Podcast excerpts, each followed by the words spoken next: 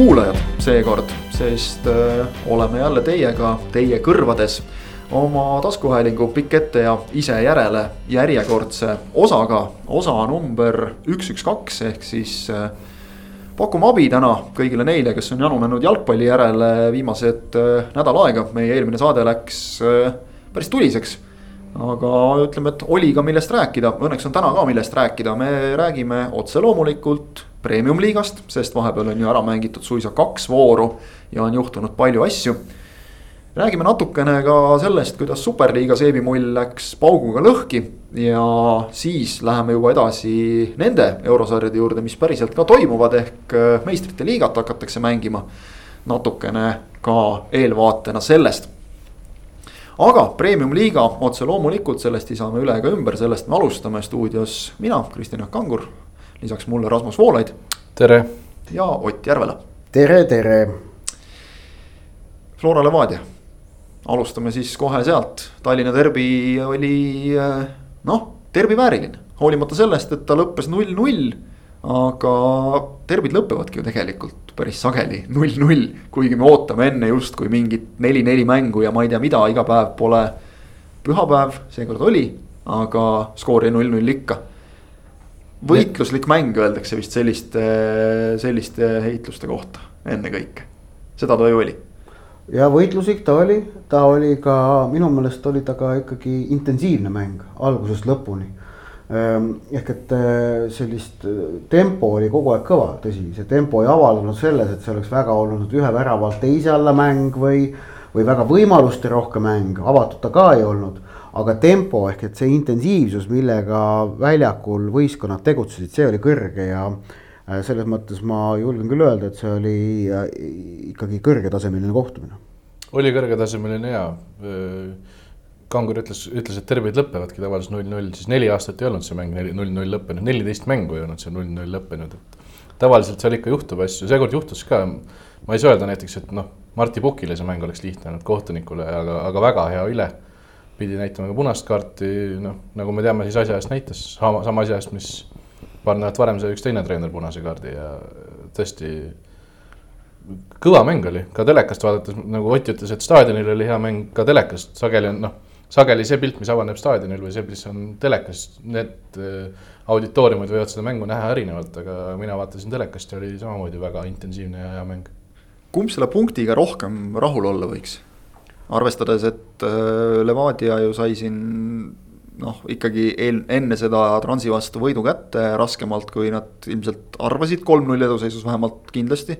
arvasid, et nüüd on tehtud, löödi veel kaks tükki tagasi, enne sai nende õnneks mänguaeg otsa Äh, enne seda see kole pakk Paide käest. kas, kas Levadia võib nagu rahul olla sellega, Floral samas teine viik järjest juba? ühtepidi nad peaksid rahul olema, Levadia. Et noh, ikkagi eelmine hooaeg nad Florale, Florale kõik mängud kaotasid. no tuletame meelde, kolm mängu, kolm kaotust. Äh, aga teisalt äh, vaadates nüüd neid tulemusi komplektis Levadia jaoks, siis nad ei saa tegelikult ikkagi rahul olla Nad ei saa eelkõige rahul olla asjaoluga, et nad mängisid kaheksa päeva jooksul Paide ja Floraga, kes on siis kaks nende suurimat rivaali võitluses eh, tiitlile ja tippmistele kohtadele. ning nende kahe mängu peale kokku Levadia ei löönud mitte ühtegi väravat. Ja kui me hakkame võtma veel ka pealelööke raami, mida nad nende kahe mängu peale kokku suutsid sooritada, siis ka neid oli väga vähe. ja see on Levadia jaoks probleem tabelisse vaadates on nagu raske öelda, kumb selle, sest tabelit on üldse praegu väga raske vaadata. no kui ühel on seitse ja teisel on neli mängu, siis ja, sealt ei saa õiget pilti. võtame siis näiteks niimoodi, et äh, kui me paneme Florale kolm mängu juurde, äh, siis nad ja nad võidaksid need kõik kolm mängu, siis nad oleksid ühe punktiga Levadiast ees. Ja nad oleks täpselt seal äh, Paide ja Levadia vahel siis. Paide üheksateist, Flora seitseteist ja Levadia kuusteist ehk noh ma arvan, et mõlemal noh, nad võtavad punkti vastu, aga, aga mõlemad tahaksid enamat kui ma vaatan praegu Levadia väravate vahet, siis, siis tegelikult löödud sama palju kui liiga liider Paide, seitseteist, endale samas lastud seitsme mänguga juba üheksa, et. kolme mänguga tegelikult lasknud. no tegelikult, jah, tegelikult kolme mänguga on, on üheksa tulnud. neli-nulli mängu ja kõik üheksa väravat seitsme mänguga. jah et noh, et Levadia põhiline rahulolu aspekt selles eilses Tallinna derbis, ma arvan, on just see, et nad suutsid äh, Flora nulli peal hoida. Ehk et noh, see oli olnud nagu ikkagi kaitse oli olnud Levadia jaoks selge murekoht pärast seda, kui Leegionil lubatakse lüüa kolm, Paidel neli ja Transil kaks, siis on selge see, et, et kaitse ei toimi. Äh, need nullimängud, äh, mis seal noh, tuleviku ja, ja vapruse ja Kalju vastu tehti, et noh, et äh, nende nagu väärtus oli selge, selge löögi all. Aga, ja küsimärgi all, aga nüüd see jah, Floraga null-null, et kaitsemäng oli eile Levadial noh, mõnevõrra parem tõsi, Floral pääses küll karistusalast rohkem löögile ja, ja selles mõttes äh, ma arvan, et noh, Flora oli selle mängu võitmisele lähemal. Äh, jah, Levadia tekitas üheksakümnendal minutil selle ühe väga hea võimaluse. aga, aga teisel poolel Floral ikkagi selliseid noh, poolmomente oli päris mitu on ju. Ähm, aga jah, kokkuvõttes null Flora vastu, noh, see on asi, mida eelmisel hooajal suutsid kolm võistkonda, et Nõmme Kalju, Tartu Tammeka ja FC Floriana ja üldse Flora oli ju viis või kuus mängu järjest võitnud omavahelist, et. Äh, viis. viis mängu järjest võitnud omavahelist ja see isegi oli nagu no, mingisuguse sellise seeria sai vähemalt ära lõpetatud äh, Levadia ja see on äh, see on, see on positiivne märk. tõesti, ma arvan ka, et mängu kõige olulisem, kõige ohtlikum võimalus oli Levadia oma, aga mitu-mitu järgmist olid, olid Flora omad.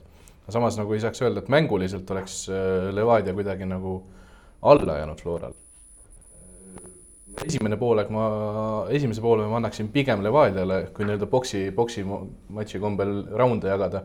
esimese ma annaks pigem Levadiale ja teise pigem Florale. jah, aga samas ma ütleks seda, et siis Flora võitis teise poole ülekaalukamalt kui Levadia esimese. jah, seda võib-olla küll jah, jah et, et kokku. punktidega siis ikkagi kergelt Florale. ja pu punktidega oleks noh, jah, kui, kui niimoodi hakata otsima, siis, siis kergelt Florale. Äh, aga, aga kokkuvõttes noh Levadia jah, et, et nad said oma tagumise liini nagu noh, tõhusamaks. niimoodi, niimoodi nagu Paide kontrasse pääses korduvalt ja korduvalt Flora ei pääsenud. jah, seda küll. et siis no, mingisugune nii-öelda areng on, on seda, toimunud. seda naiivsust ei olnud, et, et eelmise kahe mängu kuus tükki endale lasknud äh, Levadia sedapuhku oli, oli mõnevõrra parem aga tundub, et just nendes äh, nagu suuremates mängudes, et noh, seal ikkagi jääb, jääb puudu ka väga heast ründajast. no seda ma jah kirjutasin ka. leebelt öeldes. mängu kokkuvõttes kirjutasin noh, et äh, Strahin ja Krastevski jäi eile täiesti nähtamatuks äh,. see üks moment, et ta üheksakümne minutil seal jätkuolukorrast löögile pääses, noh, seda ma ei, ma ei, ma ei võta seda nagu noh, see ei ole minu arust äh, tõsiseltvõetav ründaja panus, et, et ta tegelikult Markus Sepik ja, ja Märten Kuusk äh, vaigistasid Krastevski täielikult ja noh, sama juhtus temaga ju ka mängus Paidega, nii et, äh, et äh, ma arvan, tema osas on meil varakult üleval olulised küsimärgid, et, et kas ta on ikkagi selle kvaliteediga ründaja, kes, äh, mida Levadia vajab. sest et selge on see, et oma kõrgete eesmärkide saavutamiseks väga hea ja tulemusliku keskvälja abil on see kõik võimalik, aga ikkagi on vaja ka ette ründajat, keda terve võistkond usaldab ja kellest ta on kindel, see muudab kogu mängu niivõrd palju lihtsamaks, noh, nii nagu Paidel on ees Anier või, või ka Floral on ees Sapinen või, või võtame natukene tahapoole, kuidas Leegionil on ees Andreev et säärane no,. kasvõi Transil Golovjov, et see ja, on kohe näha, kuidas see muudab meeskonda. see, see annab meeskonnale sellise lennukuse, hoogsuse ja, aga Krõstevski senised äh, esitused pole ju andnud põhjust äh, säärase usalduse tekitamiseks ja ma ütleksin, et minu meelest seda ka ei ole. et äh, ta, ta ise ei usalda ennast ja teda kaaslased ka ei usalda, tema, ta ei otsi niivõrd intensiivselt võimalusi, ta ei paku ennast seal äh, kaitsjate vahelt, ta ei, ta ei proovi seal minu meelest niivõrd aktiivselt enda koha eest võidelda, nagu ta võiks ja samamoodi me näe-, nägime eile ka seda mängus, et ega Levadia mängijad teda nüüd väga sealt nagu söötudega ei otsi ka, et ta on nagu mängust väljas seal, seal sees, et ja see on nagu murekoht, ma arvan, see on asi, mida Levadial on vaja parandada see on kindlasti suurem probleem kui, kui see, et noh, tal oleks võimalused, aga ta ei löö ära neid, et ma vaatan praegu üheksa meest tegelikult on teinud juba Levadia eest skoori. aga kui me võtame Zakaria Beglarishvili kuus väravat maha, siis noh, tegelikult peaks nagu ründaja olema see, kes niimoodi esile kerkib. kusjuures ma tegin sellesama statistika endal ka just lahti, vaatan ka, et üheksa meest ja ma loen kokku, et ütleme ründekolmiku väravad. Kristevski kaks liigas, Adžiri kaks liigas, Liivak üks ja siis Kirsile ka üks, ehk siis öö, neli meest ja, ja kuus väravat seitsmeteistkümnest on olnud ründekolmiku omad ja ehk siis seitsme, üksteist koguni on tulnud madalamalt. no jaa, aga ütleme seal natukene on nüüd õiglane ka öelda, et see Levadia ründekolmik, ütleme tulenevalt selle võistkonna mängusüsteemist erineb mõnevõrra ikkagi muude võistkondade omast, ehk et näiteks noh, Flora mäng on selgelt selle ründekolmiku äh, peale just nimelt rünnakute lõpetamise mõttes rohkem üles ehitatud kui Levadia oma. nojah, jah et Levadia rünnakuplaan näebki seda ette, et päris paljud rünnakud lõpevad kas Beglarashvili või Vassiuki pealelöögiga. et, et Flora puhul seda, et, et pealelööke peaksid sooritama näiteks noh, Miller või, või Poom, seda me niivõrd sageli ei näe. et, et see natuke ikka sõltub sellest konkreetsest taktikalisest äh, lahendusest ka ja noh, Levadia puhul see niivõrd palju äh, ei ole, ei ole rihitud äh, sellele edurivi kolmikule. Florast rääkides, siis äh, tasub korraks ikkagi selle Viljandi mängu juurde ka tagasi põigata, mis teisipäeval peeti. see, et äh, Flora nagu, kui Flora lööb üldiselt kolm väravat, siis, siis ta võidab.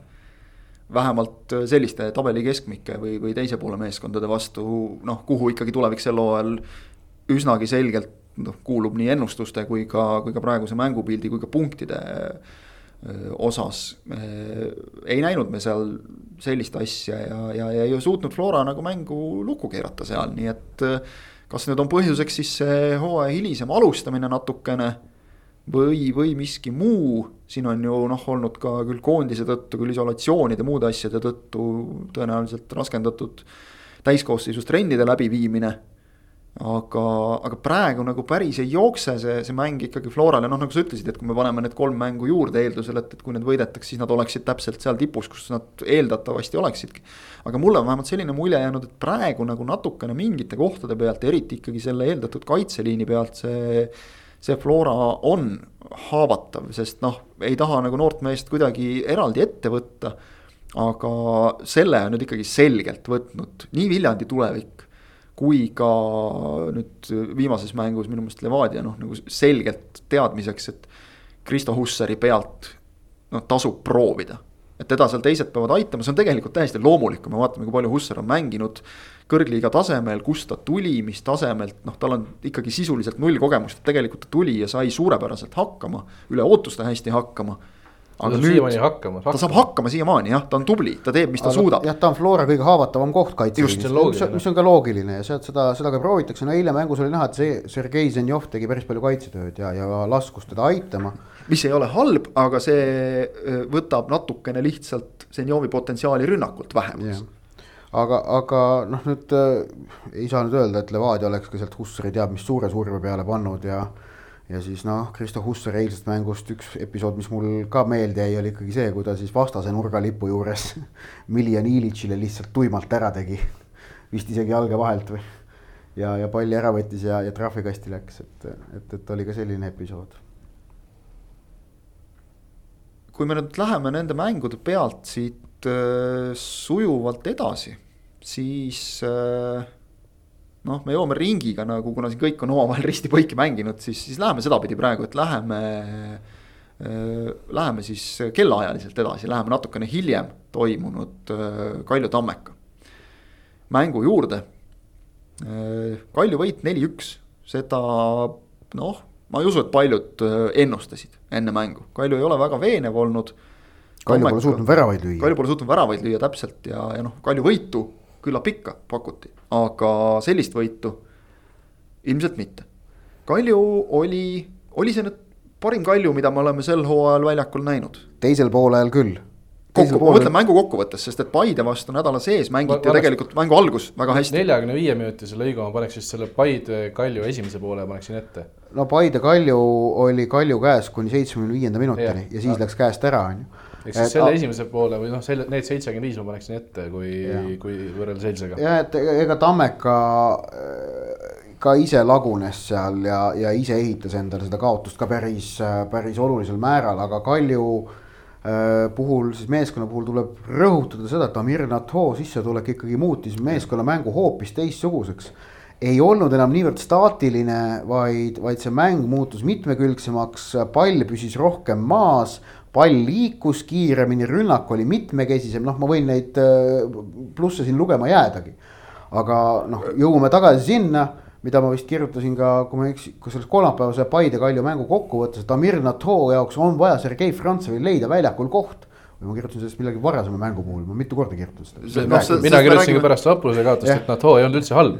isegi kui, kui Kalju Kapruse vastu oli halb, siis Nato, kes sai nüüd üle kahe mängu tagasi algkoosseisu, too mäng ei olnud halb. ja, ja, et eh, noh, sellest me vist saame iga kord kirjutada, nagu lihtsalt vaadates tema omadusi ja tegelikult praegu oli huvitav see, et see ei olnud ju vähemalt teadlik vahetus, noh mitte sel hetkel. Aleksandr Volkov sai vigastada ja, ja selle tõttu tehti see vahetus, et noh, võib-olla oleks tehtud nii või teisiti, aga kindlasti ei, oleks ei oleks, tehtud vahe, Volkovi. vaheajal ei oleks niivõrd naa aga kindlasti ei oleks teda tehtud Volkovi vastu, selles mõttes küll kindlasti just, mitte. just, just, et, et praegu nagu saatus kirjutas seda natukene ette, noh, kokkuvõttes muidugi see Volkovi vigastus nüüd võib tähendada, ei tea, kuivõrd tõsine see on, aga noh, Kaljul eduriviis on niikuinii hambad ja, ja nüüd võib olukord veelgi kriitilisem olla aga samas noh, selge on see, et kui Volkov traumaga välja langeb, siis see tähendab, et ründajana peab mängima Tamm, sest noh, tõesti kedagi muud neil sinna panna ei ole, kui nad Subbotinit sinna ette just ei tõsta.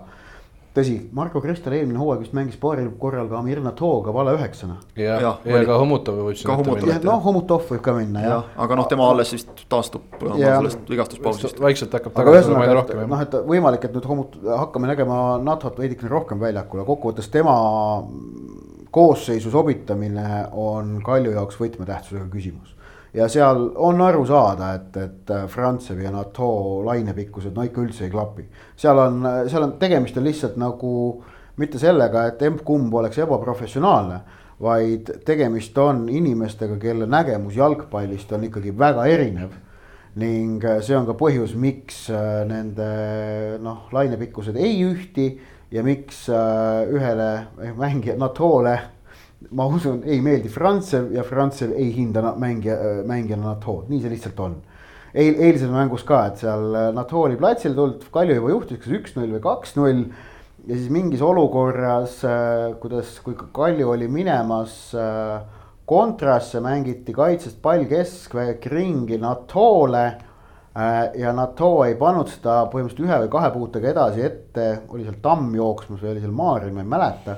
igatahes ta ei pannud seda palli ette, vaid proovis nagu mingit muud lahendust ja kõrvalt äh, Frantsev kukkus kärkima, et äh, periood ja mõned siis noh, krõbedad sõnad sinna juurde. mida ta tahtis, et, ta nagu ei aktsepteeri seda, et NATO võtab äh, mängu enda kätte, vaid ta tahab, Frantsev tahab väga selgelt seda, et pall viidaks kiiresti, igas olukorras kiiresti ette see oli selline, ma arvan, äh, hea näide, üks väikene episood, mis mul endal seal, kuna ma kommenteerisin, ma olin seal pinkide vahel, on ju. siis, mis mulle endale nagu silma ja kõrva jäi, mis nagu kirjeldab seda, miks NATO ja Prantsusmaa ei klapi. Nende nägemus jalgpallist, seda, kuidas jalgpalli peab mängima, on väga erinev. no me teame, Prantsusmaa käekiri on see, et noh, sirgjooneline täpselt, periood et, ette, edasi NATO-le meeldib palliga teha, toimetada. NATO on ja, kunstnik. jah, just kunstnik, see on Hästi kõige õigem sõna ilmselt, täpselt, täpselt aga no tuleb kuidagi leppida, sellepärast et äh, selle noh, sellest me oleme juba rääkinud, selle Frantsevi sirgjoonelise mängu mängimiseks praegu Kalju koosseisus napib vahendeid ehk mängijaid. Neid samu ründajaid, keda sa nüüd mainisid, kellest tõesti on ainult Tamm siis alles. ja, ja. no loodame, et Volkovil see vigastus ei ole tõsine. ja, aga noh, ütleme isegi kui Volkov on alles, siis noh, Volkoviga sellist mängu mängida nagu Frantsev tahaks, on natuke raske jällegi aga noh, seda me oleme lahanud palju juba. Kalju jaoks kindlasti see neli-üks on, on emotsionaalses plaanis oluline. just selline kindel võit. Nad duubeldasid oma selle hooaja väravad, et nad olid esimese no kuue mänguga olid nad löönud neli väravat, nüüd on löönud kaheksa väravat. ja just selline suur ja kindel võit, mis annab alati hea emotsiooni, et noh, me olimegi vastasest üle lihtsalt, me ei saanud kuidagimoodi seda võitu kätte ülioluline pärast seda väga valusat lagunemist Paide vastu, sest noh, okei okay,, Paidet tuleb kiita selle eest, et nad mängisid selle mängu lõpuni ja suutsid pöörde tuua, aga ma nimetaksin seda ikkagi ka Kalju mängu lagunemiseks, mingist hetkest lihtsalt enamikul meestel justkui keerati kraan kinni, nad ei jõudnud enam ja Paide lihtsalt surus nad. hästi, hästi demoraliseeriv oli ka see, kui, kui palju häid sajaprotsendilisi võimalusi nad raiskanud, raisanud olid selleks hetkeks. ja nad olid ikka ainult üks-null ees ja siis tuli see üks-üks ja nad said aru, et me võiksime olla juba neli-null, viis-null, aga, aga on üks-üks ja me mängime võib-olla, kaotame selle mängu maha ja siis mingisugune krõks käis ära kuskil. pluss muidugi, eks ole, sinna juurde alati keeruline väravavahi vahetus, noh, kõik, kõik need asjad, et üheksakümmend pluss kümme. Sergei Možnikovi värav ja, ja tehtud Paidel, Paidel on nagu kombeks sel hooajal, mulle tundub, mitte alati mängida nüüd väga hästi, aga noh, nagu üks klišee ütleb, et tugeva meeskonna oskus võtta ära punktid ka sellistes mängudes. Neid on ju küllalt olnud siin noh, Kuressaarega üks-null. tulevikuga. tulevikuga üheksakümmend pluss lõi Anier. just. noh, selline tõeliselt hea mäng oli see Levadia mäng, kus, kus, eks ole, vahetati Aga... taktikat ja, ja, ja tehti ära ja ega tegelikult eilne mäng Pärnu vaprusega ka, et noh. Läks ikka tükk aega ja ütleme noh, oleksid on oleksid. aga kui ei oleks õnnestunud lüüa esimese poole lõpus ära ühte ja siis kohe otsa ka teist Henri Anieril. siis oleks võinud minna tegelikult teisel poolel keeruliseks, sest mulle tundub, et Paidel on selgeid probleeme noh, mis ei ole iseenesest üllatav, Paidest tugevamatelgi meeskondadel on tihti selgeid probleeme meeskondadega, kes istuvad äh, sügaval kaitses. ja kui Vaprus lõi eile kaheteistkümnendal sekundil ära üks-nulli, siis loomulikult nad seda tegid terve ülejäänud poolaja, poolaja peaaegu.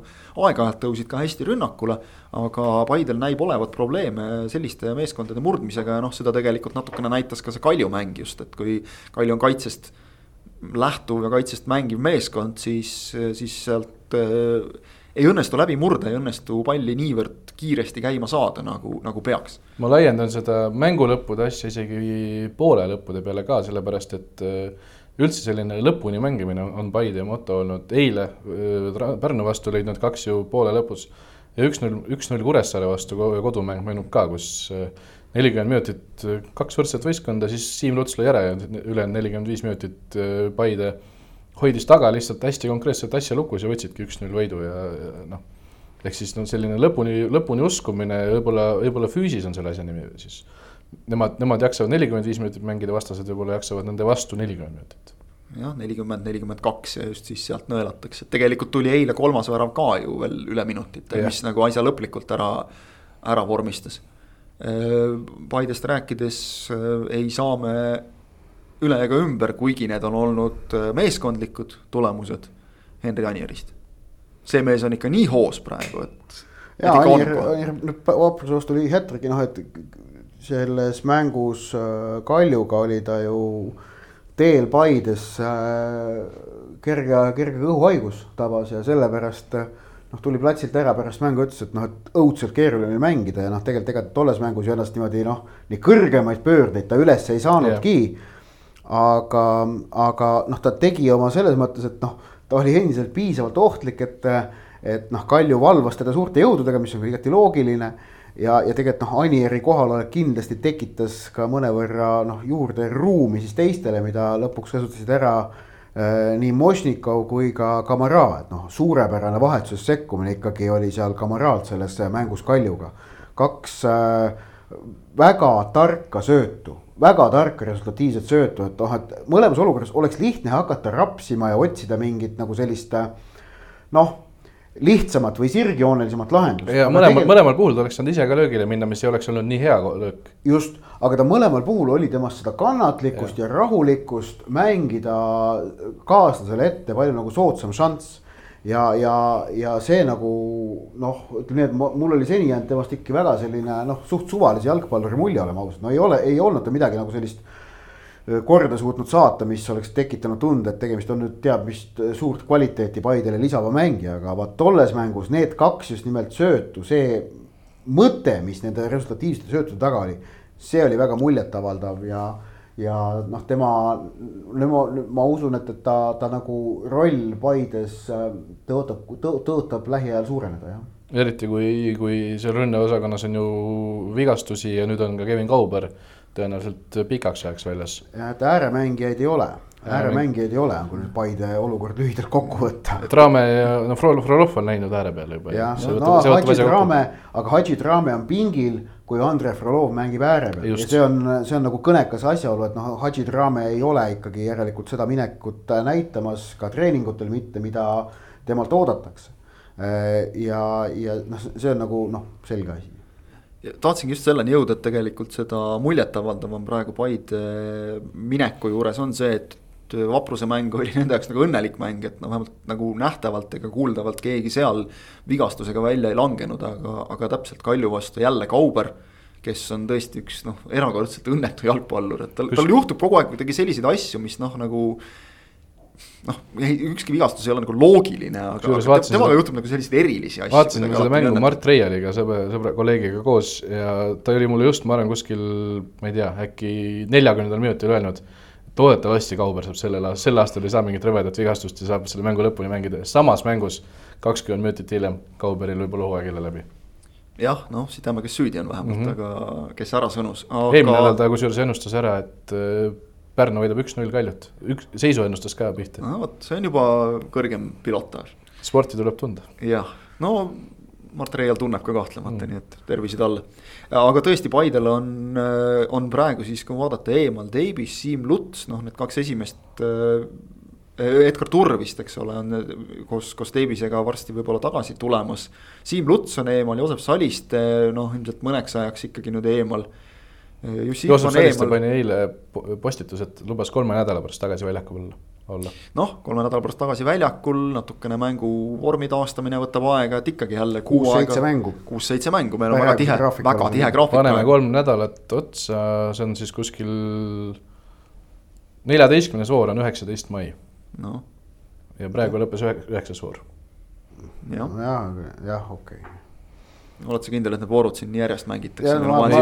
kalendrit ma ei võtaks niimoodi ja. ja, ja, ja noh, mainimata, mainimata veel Raimond Eino, kes kahtlemata oleks, oleks varumehena väga, väga vajalik praegu, nii et. Eh, noh, hea näide sellest, et eh, pikk pink ja, ja korralik komplekteerimine, kui mõni, mõni nagu enne hooaja algust arutab, et et milleks on neid mehi vaja nii palju kuhjata, siis on ikka küll, see on jalgpall, siin tuleb ette selliseid asju. jah, Leegion on hea näide, kes on ka tegelikult ennast ju päris põhjalikult komplekteerinud, aga kellel on seda komplekteeritust ka vaja läinud ja, ja Leegioni eelmine nädal, ma usun, on on vast äkki on tegu võistkonnaga, kellel on eelmise nädalaga kõige rohkem põhjust rahul olla. kaks mängu lõpetada arvulises vähemuses, kusjuures mõlemas mängid ikkagi päris pikalt vähemuses ja saad selle üheväravalise võidu kätte. ja see on näidanud nüüd Leegioni sisukust ja, ja sisu, et, et äh, hea nädal Leegionile just nad said võidud, võidud kätte vastaste vastu, kes on nii-öelda kellest nad pea, peaksidki jagu saama, aga kes on nende lähimad ohustajad tabelis teoorias. vastased, kes, kes eeldavad, et nad, et nad tahaksid ikkagi Leegionit enda selja taga hoida, aga noh, paistab, et noh, kui Leegion. ehk siis Tammeka ja tulevik, et. jah, kui Leegion tänavu esi, esiviisikust välja jääks, ma oleksin ikka väga üllatunud juba, ma julgen öelda isegi juba väga üllatunud. jah, senise põhjal, mida nad on näidanud küll, sest et äh, ma ütlekski, et võib-olla suurim edasiminek eelmise aastaga võrreldes, okei okay,, üks on see. Et on Andreejev äh,. on, suhtes jah, muidu olen nõus sinuga täiesti, et jah, Narva Trans ka kindlasti on teinud selge sammu edasi, aga aga suurim edasiminek olekski just minu meelest Leegioni puhul see, mulle näib, et äh, hea küll, ründeosakond on natukene suurem, veidikene, sest Aleksandr Šapovalov ikkagi on nüüd näidanud, et ta pakub väärilist, kas siis vahetust või tuge äh, Nikita Andreejevile. tuletame siis veel meelde, et ka see üks mäng tuli mängida lõpuni ilma Andreejevita, teine üldse ilma Andreejevita. ehk siis taas ka eelmine kord, kui Andreejev oli eemal ka siis võeti võit ära. et nüüd kolmest mängust noh, kaks ja natuke peale on tulnud hakkama saada ilma Andreejevita, aga, aga üks-null võidud on tulnud.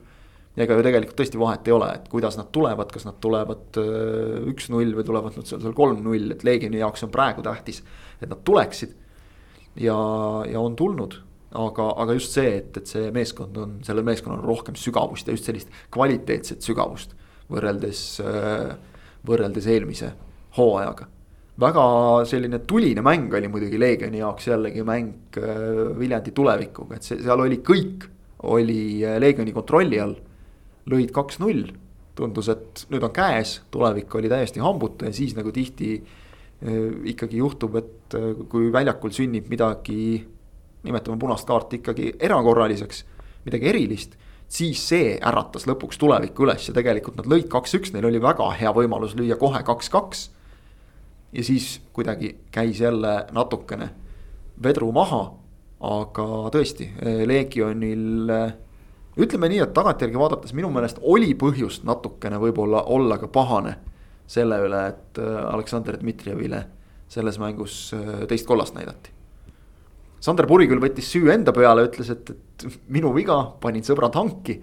aga noh, seal, seal läks see asi natukene selliseks emotsionaalseks, nagu me oleme näinud Leegioni puhul eelmistel hooaegadel. et siis ka, ka esiliigas juhtus seda juba, et siis lähevad nagu mängud natuke käest ära. Ma arvan, et äh, see Dmitrijevi punane ei ole olukord, mille pärast Leegionil käesoleval hooajal on põhjust nagu ikkagi, kuidas öelda, nüüd äh, pahane olla. et, et seal siiski me ei saa rääkida mingist äh, eksimusest kohtuniku poolt, vaid äh, küll, küll aga on Leegionile paaril muul puhul jah liiga tehtud aga just see, et, et ka siis nendes olukordades, kus neile liiga tehakse, jah, nad põlevad ereda leegiga. See on Leegionile alati omane olnud, seda oleme näinud ka siin igasugustes noortesarjades. aga suudetakse seda, seda leeki ikkagi vähemalt seni on suudetud äh, taltsutada, noh. vahel saadakse vastu näppe, nagu oli see Belovi eemaldamine üle-eelmises voorus, eks ole. aga üldiselt ikkagi saadakse nagu oma asjadega hakkama ja, ja, ja seda, seda mängu sain mina jälgida sellelt positsioonilt, mida sa Ott mainisid äh, sealt täpselt varumeeste pingi kõrvalt. See on alati selline noh, sa ei kommenteeri mängu üksinda, sa kommenteerid mängu koos Deniss Belovi ja Sergei Terehoviga. aga, aga sealt äh, tuli ka tihti just treenerite pingil löövad ka kired lõkkele ja, ja siis tuleb väljakule tuleb tihti, tuli, tuli selles mängus väga tihti sõnum, et nii rahu, see olukord oli ära, läheme edasi ehk me oleme, me oleme seda maininud, et Deniss Belov on õppinud noh treenerina eelmisest hooajast. Eks ta, ma arvan, ta õppis nüüd sellest eemaldamisest ja, ja, ja noh, jällegi on nagu näha, et, et ta, ta püüab vahel muidugi jah, keeb jällegi katel üle, see on ka loomulik. aga ta püüab õppida nendest asjadest ja praegu mulle tundub, et see on kogu võistkonnale kasuks tulnud, sest Leegion on selline noh. tuhhi pealt mängiv võistkond kelle puhul siis natukene sarnaneb Levadiale selles mõttes, et, et noh, vedru on pingul, kuniks ta on pingul, on väga hea. Aga kui nagu nii-öelda kruvi üle keerata või see vedru sealt pingest vabaneb teinekord natukene ootamatult ja soovimatul moel, siis võib minna asi lappama mul on, ma olen seda ühe korra vist varem ka siin saates tsiteerinud, aga üks mu lemmiktsitaat eh, hooaeelsest ajast kuulubki Deniss Belovile, kes ütles, et eelmisel aastal me saime teada, kuida-, e-, eelmine aastal, eelmisel aastal me arvasime, kuidas Premium liigas on, nüüd me teame, kuidas Premium liigas on. ja seda, seda on näha. ja samamoodi ma arvan, et sellistel rasketel kümne mehega jäämise hetkedel just sellised mehed nagu Sander Puri näiteks, väga hea, et väljaku peal olemas on. Aleksandr Dmitrijev ka muidu, aga teda noh eile, üleeile teda ei olnud, kuna tema oli isegi ära saadeti, aga. järgmine mäng ka ei ole. jah, aga just, just sellised, sellised mehed, sellised figuurid seal platsi peal, kui öeldakse sõnum rahu, siis ma arvan, nemad saavad sellest kõige paremini aru ja suudavad seda ka nagu laiali jagada või šapovalavaid ja selliseid mehi ka rahustada. jagada, ütleme siis just nagu oma olekuga just. ja, ja oma käitumisega. just. et selle, selles mõttes Sander Puri lisandumine minu meelest Legionile on andnud, vot vahel on nii, et, et paned ühe mängija juurde. ja võib-olla enne isegi nagu noh, teinekord isegi nagu päris teadlikult seda meest ei otsinud. no see on see, kui üks, see on, need on need hetked, kui üks pluss üks ei ole kaks, vaid on kolm. täpselt ja, ja siis selgub, et see mees on see ideaalne pusletükk, et noh, vähe mängitud, aga senise põhjal mulle tundub, et Sander Puri on Leegioni jaoks see mees, kes nagu sobib oma isikuomadustelt, mängija omadustelt nagu valatud siin. ja ka Pavel Tõõmov on uus mees, kes on täpselt samamoodi väga-väga-väga hea olnud. ja, ja Tõõmov on ju samasugune selline noh, nagu ikkagi vaiksem, rahulikum tüüp. ja Puri puhul on huvitav veel ka see, et noh, oleme ausad, Leegion on venekeelne klubi äh, kelle ainukene eestlane koosseisus on Sander Puri, ma ei ütle seda, et seal nagu eesti keelt räägivad seal, ma usun, enamik poisse, aga, aga noh äh,, aga Sass on selles äh, satsis praegu abikapten Andreev on noh, põhikapten, aga kui Andreevit ei ole, on, on purikapten. ja, ja see nagu näitab äh, just nimelt seda, mida sa ütlesid, et kuidas ta sobitub sinna koosseisu. ega, ega ta muidu ei oleks abikapten, kui ta ei oleks seal tõusnud äh, kuidagi automaatselt võistkonna sees ka autoriteediks, eks treenerid äh, Belov ja Terhov näevad seda väga hästi ju. ja, ja noh, kuna mõlemad mängud, kus Puri on kapten olnud, meeskond on võitnud, noh jah, ma ise leian muidugi, et kapteni roll on, on kaasaegses jalgpallis veidikene üle afišeeritud, eriti on ta üle afišeeritud koondise jalgpallis, klubi jalgpallis on ta mõnevõrra tähtsam. Äh, koondise jalgpallis, eriti Eesti koondises on seda üle afišeeritud tulenevalt äh, Inglismaa mõjust, kus äh, seetõttu, kus, kus kapteni teema rõhutamine on Inglismaa koondise kauaaegse ebaedu üks peamisi põhjuseid. no mitte peamisi, aga üks, üks nagu kaaspõhjuseid. kus tõesti nagu vahel mänge otsustaks see, et kelle käe ümber on pael parajasti. just, just, sest see ongi kõige tähtsam just, asi. Just see pael. Äh, jah, just äh, aga, aga jah, see, kuidas Puri on tõesti Leegionisse sobitunud, seda on huvitav vaadata ja nüüd on noh ja, ja ma siis noh, kiidan nüüd ikkagi veel korra iseennast ka, et kui ma ütlesin hooajal, et Leegion on klubi, kelle mänge on kindlasti alati väga huvitav vaadata, siis see täpselt nii on ka olnud. Nad ei ole mitte ühtegi ükskõikseks jätvat mängu sel hooajal pidanud. no see Transiga null-null, seda, see oli nagu halb nende poolt äh, pigem ja, ja noh, seda oli suht nagu niru vaadata, aga tegelikult kõik ülejäänud mängud on Leegionit on huvitav vaadata. tekitas negatiivse emotsiooni, see on ju ka ikkagi no, midagi, midagi lõi, et tegelikult see tuleviku. ja nüüd, kui järgmine mäng on võõrsil Paidega äh,, peaks olema ka esimene murumäng, on ju. ja, ja, ja, ja Paidel, Paides pandi ilusti loor ka väljakule peale, loodame, et siis ei ole niivõrd äh, kuumaastik, nagu ta oli eelmise aasta maikuus, kui see esimene mäng tulevikuga oli, mida nad, kus Paide kaotas on ju üks-kaks, mäletan, see oli esimene koroonapausist naasmise mäng. no tõesti, toona väljak oli halb Paides et äh, tänavu, nii palju kui on kuulda olnud, on selleks rohkem valmis oldud, on hoolt ja vaeva nähtud, et vastu on veidikene parem plats. Äh, ega see kummalegi ei meeldi, äh, ei Leegionile, Paidele, kui väljak ei ole hea. aga ütleme nii, et see, mis ma tahan öelda, et see, et see mäng Paide Leegion noh, väga huvitav mäng jällegi. see on tegelikult, tegelikult see on isegi nii-öelda suure mängu hõng on selle mängu ümber, sellepärast et ja. Levadia väga raskelt said, noh, see oli, see oli erand, erandlik lahing ka, see lumelahing Flora sai raskustega kätte, aga said, mõlemad said kolm punkti kätte ja nüüd läheb Paide Leegioni vastu, kes siis äh, nii-öelda. kes ei saanud. kes. kellega oli üks-üks. jah, ja neil on ühe korra mänginud juba muidugi. aga, aga tõesti, Paide Leegion, meie mäng ka, Sokkerneti mäng. jah, jah, siis tuleb, siis tuleb hea mäng kindlasti e kellest me pole veel rääkinud või servapidi juba rääkisime tegelikult. Äh, Narva Trans on kuidagi väga vaikselt nagu rahulikult oma asja ajanud, noh, et nad Levadiale kaotasid üks asi, aga see, et null kolme pealt tuldi kaks kolme peale ilmselt äh, no ikkagi sisu. seal oli mingeid võimalusi oli viigi löömiseks ka. just ja noh, sisu ikkagi näitab ja, ja, ja kas seda nüüd nagu nimetada õnneks või millekski muuks, aga aga Kuressaare vastu oli tegelikult nüüd nädalavahetusel äh, eriti Transi äh, üks-null eduseisult teisel poolajal päris palju Kuressaarel võimalusi. Richard Aland näitas nüüd äh, lõpuks seda, mida me ju tegelikult noh, nagu oleme teadnud, tegelikult oleme ju teadnud kogu aeg, et ta on ikka päris hea väravavaht. no ta on saanud teha ühe korraliku hooaja ja seda ta tegi Pärnu Vapruses ja seal, seal ta tegi väga. seal ta, seal ta päästis, palju. ta muidu on ta saanud selliseid poolikuid, noh mingi kümnemängulisi perioode, siis on keegi vigastusest paranenud, Igonen või, või kes iganes seal Floras, Mait Toom näiteks aga, aga tegelikult isegi mingisugused signaalid on ju klubi seest tulnud, kus äh, härra president on öelnud, et on oodanud väravaid enamat, et ta ei ole otseselt halb olnud, aga et on oodanud enamat ja kui sa selliseid asju juba välja ütled, järelikult siis on midagi seal taga ka. et noh, sa ei peaks niisugust survet nagu niisama peale panema väravaile, aga, aga Aland on, tundub, et on sellega hästi hakkama saanud ja no Narvast on täpselt selliseid signaale on tegelikult tulnud juba tükk aega, et nad on otsinud seda kindlat esiväravavahti ja ei ole leidnud. noh, on täpselt väljendanud üsnagi avalikult ka oma rahulolematust. eelmisel aastal läks Andreas Vaiklaga eriti õnnetult veel. aga niimoodi hakata vaatama, siis noh, Eduard Golovjov lööb lööb jälle väravaid ja lööb nüüd ikkagi noh, nüüd võib küll juba öelda, et väga stabiilselt väravaid. ja Golovjov on praegu liiga paremuselt teine värav. just ja, ja noh, mitte see, et, et. mitte Rauno Sappinen. mõnes näiteks. mängus jah, just, okei okay,, Sappinil on natuke vähem mänge. kaks korda vähem mänge jah aga ikkagi ja, ja need ei ole nii, et noh, nad tulevad kahes-kolmes mängus, vaid ta on ikkagi stabiilselt löönud siin, siin järgemööda. et noh, Golovjov on praegu hoos. sul on Sakarjuka võtta, sul on kaitsesse võtta, võtta mehi, tegelikult Transi välismaalased minu meelest on ikkagi suuresti olnud seni vähemalt õnnestunud kui me olime väga, tegelikult ju väga skeptilised, et noh, jällegi mehed no,. Tavareesit ma juba siin kiitsin korra, et ja. jah, tema on jah. no ta, ta on ka eksinud siin mingites mängudes Flora vastu meenuvad kohe mingisugused väga kummalised eksimused, aga noh, üldiselt. noh, oleme ausad, see Trans tegutseb ikkagi mingis teatavas hinnaklassis, mis noh, ei võimalda endale tuua selliseid mehi, kes premium-liigas teevad täishooaja ilma eksimusteta, seda tuleb ette, see on paratamatu, see on lihtsalt, sa pead neist parima kätte saama, mina ütleks, et praegu seni vähemalt mulle tundub, nii palju, kui ma neid, need mängud, mida ma olen näinud, äh, seal on saadud. Golovjovi juurde tagasi tulles ma ei näinud seda mängu laivis, vaatasin tipphetki väravaid.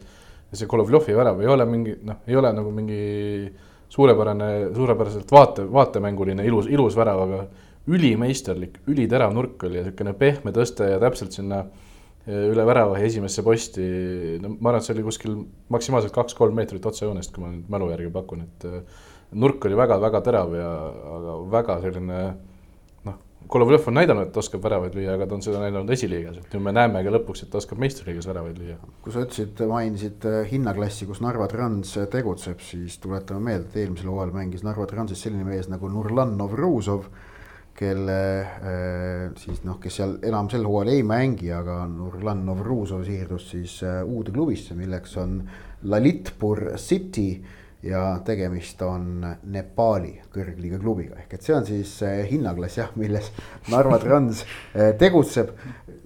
see ei ole nüüd etteheide millelegi, vaid see on lihtsalt kirjeld, kirjeldav asjaolu. paratamatult, see on natuke see, et sa noh, sa peadki sealt nagu söe seast teemantid välja sõeluma kuidagi, see, see ongi väga keeruline protsess ja, ja seejuures sul on tegelikult selleks üks katse no hooaja alguses, okei okay,, kaks katset, hooaja alguses ja, ja siis natukene saad suvel parandada. aga siis lihtsalt sa pead oma valikutega noh, nii-öelda elama ja, ja leppima, et, et see on töö omaette. aga ma nüüd seda Transi eilset võitu Kuressaare üle ikkagi, ma ei ole kindel, kuivõrd suure plussmärgi sinna saab kirjutada, et et tõesti, nad vajasid seal Haalandilt väga head mängu, et see võit võtta. see, sest Haaland tegi neid tõrjeid seisul üks-null ja teiseks Kuressaare näol, vaatamata sellele, et Kuressaare nädala keskel Vapruse vastu ühe võidu sai, on siiski tegemist hetkel selgelt premium-liiga kõige nõrgema võistkonnaga.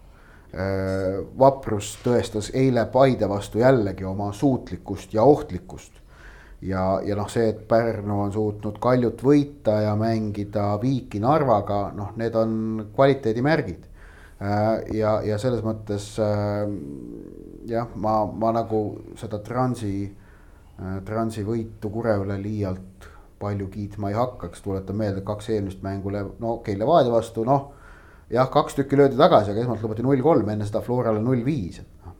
no see on natukene trans, et tuleb selliseid null viis mänge ja siis tuleb häid mänge. nojah eh,. ma ühe asja ütleksin vahele, ma otsisin selle tsitaadi välja, kuidas Tšenkos ka eelmise hooaja eel Nurlan Novruzovit iseloomustas. ma mainin, panin ta isegi meeskonna staariks eelvaates ta ei ole Messi, aga ta on Eesti Messi, mitte isegi, et ta võib olla Eesti Messi, aga ta on Eesti no, Messi. me loodame, et temast saab Nepaali, Nepaali Messi. Messi, jah eh, Viljandi tulevik on meil veel noh, natuke süvitsi mainimata juttu juba tegime neist, aga äkki isegi on tulevik meeskond, kes nagu kõige rohkem veel otsib ja otsib ennast ja ikka ei leia väga ebastabiilne. väga ebastabiilne, sest tegelikult äh, Flora vastu oldi tõesti äh, viiki väärt. igati väärt. selle võitlustahte eest, äh, mängupildi eest mängiti nii nagu tuli mängida. ja siis hea emotsioon käes, nagu topelt hea emotsioon, et noh, sa saad punktitabelisse Florat ja sa saad veel niimoodi. sa tuled kaks-kolme pealt välja, viimasel minutil lööd ära, kõik on ilus, tore. ja, ja siis tuled Tallinnasse mõned päevad hiljem mängid Leegioniga, kes on, on nagu noh, paberi peal vähemalt ikkagi jõukohasem vastane. ja teed äh,, tuleb öelda, järjekordse sellise partii, kus väljakul on tublid mehed, aga ei ole nagu meeskonda. see oli, oli tuleviku puhul minu jaoks äh, suurim üllatus, ka, ka Herol ütles pärast mängu intervjuus käsi laiutades, et ei tea ei, ei oska öelda ja vot see on võib-olla üks kõige hullemaid asju, mis nagu tegelikult olla saab, et noh, kui sa tead, milles on probleemid, teed nende kallal tööd. jah, Jaanus Reitel ütles väga õigesti pärast äh, Viiki Floraga, kui Viljandis temaga juttu ajasime, et äh, noh, kasvõi näiteks Babatunde tuli ju päris hilja alles. Viljandis teame, olid kehvad treeningtingimused, noh üritati neid nende Tallinnas käikudega natuke parandada, aga see on siiski selline noh, probleemi lappimine, mitte lahendamine Äh, kokkumäng lonkab veel uusi mehi palju, aga just selline üles-alla kõikumine, see noh, ilmselt ma, ma eeldan, et võiks nagu natukene muret valmistada. Flora mäng jättis mulje, et noh, nüüd on hakatud, hakanud asjad klikkima. aga, aga mingil hetkel tekib tulevikul ikkagi see moment ka, et äh, või noh, mis mingil hetkel, praegu juba tegelikult. vaatad tabelisse, tabelis on äh, viis punkti ja noh, endale on lastud üheksateist väravat, okei okay,, osa neist tuli Narvas kümnekesi mängides, aga. aga seda on päris palju seitsme mängu kohta siiski. ja, ja tabelis on viis punkti, nüüd siis tänu Kuressaare võidule selja taga on Vaprus neli, Kuressaare kolm. mingil hetkel võib nagu väga kiirelt tekkida see hetk, et, et nüüd on, nüüd on punkte vaja juba. nii et tulevikul on noh ütleme, on mõttekohti, kas nüüd muresid tingimata, sest et tegelikult ju ise on löödud kümme, mis on noh. igati okei okay, seitsme mänguga, Kristjan Kask on juba saanud okei okay,, siin. Leegioni, Leegioni värav oli. Leegioni värav on noh tärniga nii-öelda, see läks tema nimele, aga noh jäi õiges kohas pallile ette. oskus seega. oskus seegi ja, ja see on juba neli, mis on sama palju kui Kristjan Kaskli eelmisel aastal, nii et noh, see on tipp-topp. Raske midagi lisada, sest tõesti lihtsalt tekitabki küsimust, et vahepeal tuleb null neli ja kaks kuus, kaks mängu järjest. ja siis, siis justkui läheb paremaks, Tammeka vastu minnakse juhtima, Floraga võideldakse viik välja ja siis, siis Leegioni vastu, noh seis kaks-üks, Leegionil ei ole midagi nagu piinlikku tuleviku poolt vaadates, aga, aga see just see kummaline asi, mis seal väljaku peal toimus, on natukene küsimusi. mingi, mingi targilisus justkui, et eh, noh, okei okay,, seda mõjutas osalt ka see, et Kaimar Saak sai vigastada, noh, tema kogemustega mees ka seal mängu sidumisel, kui nad Kasega ka teinekord kohti vahetavad, Saag on palju tegutsenud sel hooajal number kümne peal ikkagi. seal tema, tema kogemused eh, noh, maksavad palju ja, ja ütleme just, et Leegioni-suguse võistkonna vastu kindlasti ka number kümne peal Saak, kes noh, tema asemele liikunud Heroliga võrreldes on selline vähe nagu jõulisem tüüp ehk noh. võitleb võib-olla parema meelega kehakontaktis, Heroli trumbid on mujal lihtsalt. noh, kindlasti see oli löök neile. loodetavasti ka Saagi vigastus vist tegi õlale liiga, ei, ei ole midagi väga tõsist, samas need asjad võivad teinekord ka võtta kaua. aga vaadates jah, kuidagi nagu üldist mängu, siis siis selgelt tulevikul näib olevat rohkem potentsiaali kui, kui Vaprusel ja Kuressaarel, nagu me ennustasime, see ei ole muutunud. aga selle potentsiaali võistkonnast kättesaamine tundub kohati üpris-üpris keeruline. ja see on tõesti noh, vaatasime seda Flora mängu, kõik, kõik oli ideaalne peaaegu. kõik mehed mängisid oma rolli väga hästi välja. Flora mehed ei olnud, ei saanud nagu jagu individuaalselt, Ojamaa ei saanud allikust mööda. Sapinenid ründajad ei saanud seal keskkaitsjatest jagu Mintongo kesk, valitses keskvälja. just, kõik oli nagu super ja siis äh, paar päeva hiljem Leegioni vastu enam ei ole mitte midagi sellest meeskonnast järel. jah. nii et äh, muresid tegelikult on, on päris paljudel meeskondadel veel, me ikkagi näeme, et on hooaja algus no Tammeka ka ikkagi. Tammeka ka jah, noh. et, et kas noh, et alustasid kahe võiduga, aga noh, need võidud oli ikkagi Kuressaare ja Vapruse üle. just, nad on kõigis mängudes jäänud kaotusseisu esimesena, nad pole kunagi läinud üks-null juhtima, vaid iga mäng on, mitte ühtegi nullimängu, iga mäng on tulnud esimene värav vastastelt. et, et äh, praegu noh, kuhu neid tinglikke joone tõmmata, no et ma väidan, et esiviisik tunduks Tammeka jaoks ikkagi üllatav juba praegu, sest noh, nagu ma ütlesin ka, et Leegioni väljajäämine oleks üllatav et noh, ma ei ütle, et Trans neist äh, tingimata ettepoole peaks lõppkokkuvõttes jääma, sest Trans pole ka mind veennud. aga, aga Tammekal jah, on ka enda leidmisega keeruline, eilne mäng Kaljuga ma ütleks, et esimene poolaeg kohati oli väga hea, et, et äh, mingites episoodides see, kuidas Kalju tuli, pani neile kõrget survet peale, kuidas Tammeka sealt kindlate ühepuute söötudega välja tuli, vaatasin noh, Laaneots, Anderson, Järviste seal keskel panid sellised noh, väga ilus jalgpall ja, ja suutsid ka võistkonna rünnakule viia, aga siis, aga siis äh, teisel poolel noh, jah, NATO tulek muutis, aga ei saanud Tammeka ennast kuidagi mängu sisse ka. tehti seal taktikaline ümberkorraldus, võistkond sellest aru ei saanud Koppel korraldas seal ju keset teist poolega mänguringi, pani kolm keskkaitsjat ja, ja, ja noh, läks kolm-viis kahele tegelikult üle. ja keskväljal ja üle, ülepool hakati mees-mees kaitset võtma. ja minu meelest oli see, et, et, et võistkond ei saanud sellest just, muudatusest aru. just, Artur Uljanov, mina vaatasin mängu tribüünilt teisel pool, Artur Uljanov oli siis minu äärel ja kui Koppel seda hõikas, siis ta nagu ütles veel Uljanovile eraldi üle, et Uljanov mees, mees, sul on Subbotin või midagi, siis Uljanovi reaktsioon oli kas mingi, mis asja. et noh, noh, tal mhm. lihtsalt oli nagu, kas ta siis variant A on, et eh, ta ei saanudki üldse aru, mis ta tegema peab, variant B on, et eh, tema jaoks tundus see tol hetkel vale käik, et miks me nüüd seda hakkame tegema. aga igal juhul noh, ta, ta siis nagu läks su Putini juurde, aga, aga just see nagu reaktsioon oli nagu silmatorkav mis on selles mõttes huvitav, et noh, tuleviku puhul me saame ju nagu loogiliselt aru, et, et uus treener, uued, palju uusi mängijaid, aga noh, Tartus peaks nagu olema juba kõik nagu suhteliselt selge, et, et sealt treeneri Tenistat poolt. nagu ei ole ka praegu, kas uus mees on. jah, et, et noh, treeneri poolt ei saa nagu tulla mingeid väga suuri üllatusi nüüd meeskonnale. eks, eks tenniste no, puudumine annab tunda. see on kindlasti, see annab. Kapper ju mängib nii-öelda mõnes mõttes positsioonilt väljas ikkagi. ja ei, ta, ta mängib seda parem kaitset minu meelest nagu täitsa eilse mängu peal midagi ette, nüüd talle ei heida, aga aga see, et Kapper peab mängima parem kaitses, mitte ei saa mängida kuskil ülevalpool, võtab ka Tammekalt ülevalpool käiku vähemaks jällegi, et, et. Äh, ja ülevalpool jällegi pole nüüd, häältel ei ole nagu vahetust tänu sellele ka mõnes mõttes, et noh, kelle sa paned Veelmaa või Uljanova asemel äärele praegu, kui Kapperit ei saa panna jah, jah, jah, noh just, et ääri.... Kapper, Kapper on jah saanud seda äärekaitses mängimist nüüd ka juba Viljandis eelmisel aastal nagu kõvasti harjutada, aga, aga noh, see ei, ole ikkagi tema koht number üks, et, et ta on ka selline. Noh, ka natukene just selline kunstniku tüüpi mängija, et, et ta tahaks seal, ta saab hakkama. teeb tublilt oma tööd, aga, aga tahaks kindlasti mängida natukene kõrgemal, nii et äh, on, on mõttekohti sealgi, aga noh. äkki siis tõuseb Tammekast nii nagu on varasematel aastatel tõusnud hooaja käigus keegi esile, noh sel hooajal võib Laaneotsa just lugeda nagu selle alla jah. ja Mätas muidugi. noh, Mätas toodi, eks ole, aga et, et just noortest tõuseks keegi, et Mätas toodi, noh, ma arvan ikkagi nagu selgelt esiliigast ennast, esiliigas ennast tõestanud väravakütina väravaid lööma, et ta seda nüüd nii hästi teeb. ja noh, Kaljulegi ühe ära lõi, see võib-olla isegi nagu väike üllatus, aga noh, vajalik üllatus hetkel Tammekale. sellised jutud premium-liiga osas äh, räägime nendest suurematest liigadest ka siis natuke või siis, mis suurematest, nendest liigadest, mida ei ole, mida, millesse uskumist või mille olemasolusse uskumist Aleksandr Tšeferin, kes on siin viimase nädala jooksul saanud äh, demonstreerida oma suurt lugemust äh, pildunud igasuguseid äh, kirjanduslikke võrdlusi ja, ja metafoore paremale ja vasakule, elanud ennast ka mõnuga välja, tundub mõneti mõistetavalt, sest tema tunneb, et talle löödi ikkagi nuga selga teisest küljest muidugi võib küsida, et äh, võib-olla oleks mõistlik praegu säilitada sellist soliidset joont, noh, mine võta kinni, need on tema valikud, tema otsused.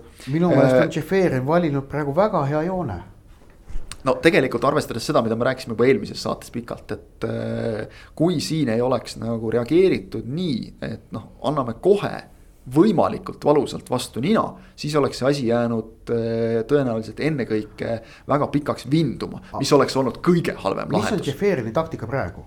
Äh, tüüpiline conquer and divide, jaga ja valitse. ehk et ta on juba praegu jaganud need kaksteist separatisti kolme erinevasse gruppi. esiteks inglased, kelle kohta ta ütleb, et nad läksid kohe esimesele minema, tunnistasid oma viga. ma arvan, et see väärib tunnustust, põhimõtteliselt no oliivioks on ulatatud seal lepitakse ära ja kui siis mingi sümboolne karistus või sanktsioon, ma arvan, et isegi seda mitte. teiseks Milan Inter Atletico, kes on superliiga projektist taandunud, ütleb, et noh, nemad on ka noh, ütleme ikkagi inimesed kui nüüd parafraseerida siin me oleme, et on ju ikkagi inimesed ja siis Real, Barcelona, Juventus, kes saavad endiselt ja saavad igast otsast ja jäävadki saama, sellepärast et. kusjuures huvitav on see, et, et äh, on öelnud äh, Barcelona kohta mm. -hmm., Seferin korduvalt, et ma saan aru, eelmine president pani klubi väga keerulisse olukorda, rahadega on yeah. väga halvasti. meil on praeguse presidendiga väga hea dialoog, kõik on väga hästi, aga siis, kui ta hakkab rääkima nendest kurjuse käsilastest, siis on järsku jälle kolm tükki. aga Barcelona ongi ju ise. jah, Barcelona pole ise taandunud, põhjus on selles ja, ja sellepärast noh. aga seal ta nagu hoiab selle noh ukse lahti nii-öelda, et, et me saame siit edasi minna. Seda, aga Juventuse ja Reali suhtes noh, seal tuleb kõikidest kahuritorudest halastamatult kogu ja, aeg tuld. ja, ja asi on selles, et, äh, et tal on täiesti võimalik seda teha, ta teeb õigesti, et ta seda teeb sellepärast, et ta teab väga hästi, et kui nad otsustavad praegu näiteks Reali ja Juventust äh, karmilt karistada, näiteks nad meistrite liigast eemaldada, mitte sel hooajal, ma arvan, et see, seda ei hakka UEFA tegema, see oleks rumal, sest sa muudad käesoleva hooaja farsiks mm. -hmm. las see hooaeg mängida lõpuni. no seda enam, et poolfinaal, poolfinaal kohe tuleb ju. aga Realile Juventusele noh, vähemalt aastane, aga miks mitte kolmeaastane eurosarjades osalemise keeld. Äh, kas see kuidagi kahjustab eurosarjasid? ei, no ei kahjusta ei, ei juhtu midagi, kui sul kaks tippsatsi on, on sealt ära, sul on ülejäänud seltskond niivõrd kõva seal olemas. ei juhtunud Serie A-ga mitte midagi, kui Juventus seal üks aasta ei mänginud. ma just tahtsin öelda, et Juve korraldas selle eurosarjadest enda kõrvalejätmise juba nagu ise, ise väga varakult ära tükiks ajaks. see oleks ja ma ütlen nii, et noh, ma ei tea, kaheaastane eurosarjadest kõrvaldamine Realile, Juventusele ja ka Barcelonale, kui nad nüüd siin kiiremas korras sealt ei eemaldu äh, superliigast äh, igati adekvaatne karistus ütleme nii, et, et kui see karistus tuleks, siis see vist küll ei üllataks kedagi. ei üllataks ja see ka ei pahandaks mitte kedagi no,. ülejäänud no, jalgpallimaailm leiaks ja kiidaks selle asja heaks. ma mõnda Reali fänni nagu tean, aga selles jah, saan aru, mida sa silmas pead. aga samas on ka Reali fänne, kes põhimõtteliselt ütlevad, et asja eest.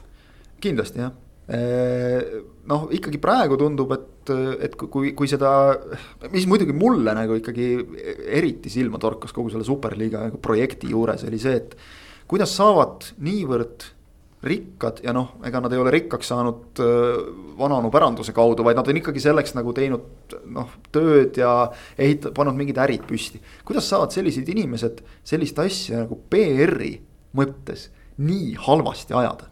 See on muidugi täielik müstika, seda a, nad on tõestanud nagu lõpuni välja täiesti. aga põhjus oli ju see, et nad hakkasid kiirustama, nad pidid kiirustama, sest nad tahtsid tulla oma asjaga välja ennem.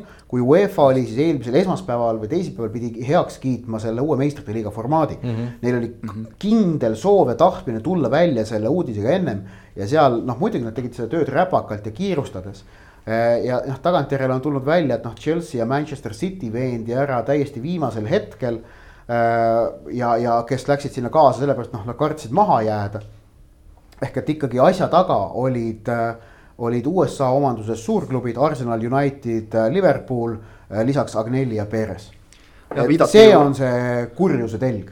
viidati ju sellelegi, et. Torino, Madrid, USA, see on kurjuse telg, jalgpall viidati ju sellelegi, et et äh, miks see uudis tuli nagu meie mõistes niivõrd imelikul ajal, et ta tuli Ameerika mandri ajaarvestuse järgi no,. seal mingi... taheti see nagu nii-öelda õigel ajal välja lasta. aga see viitab just sellele, et, et ameeriklaste nagu karvane käsi on ikkagi väga tugevalt väga tugevalt asja juures ja noh. ta eh, tuli vist meie järgi kuskil pärast sõda vist isegi või? jah, oli, oli, oli, oli, ta oli pärast sõda. USA, USA aja järgi siis veel pühapäeva õht-, hilisõhtul. et seal, seal ta nagu mahtus aega niimoodi väga mugavalt, et sai hästi välja lasta, meile tundus nagu imelik, et kes teeb keset ööd selliseid teadaandeid. aga see ei olnudki meiesugusele pööblile mõeldud üldse, see oligi mõeldud. see ei olnud eurooplasele mõeldud. jah sest üks, üks aspekt, mille üle mina jäin nagu mõtlema, et mida me siin Eestis ja noh, üldse Euroopas nagu üldse ei mõtle, on see, et meistrite liiga on või siis ütleme, vähemalt nende klubide omanikud tahavad sellest teha ju mitte mingit, kuigi ta nimi on Euroopa meistrite liiga, siis nad tahavad sellest ju teha globaalset toodet.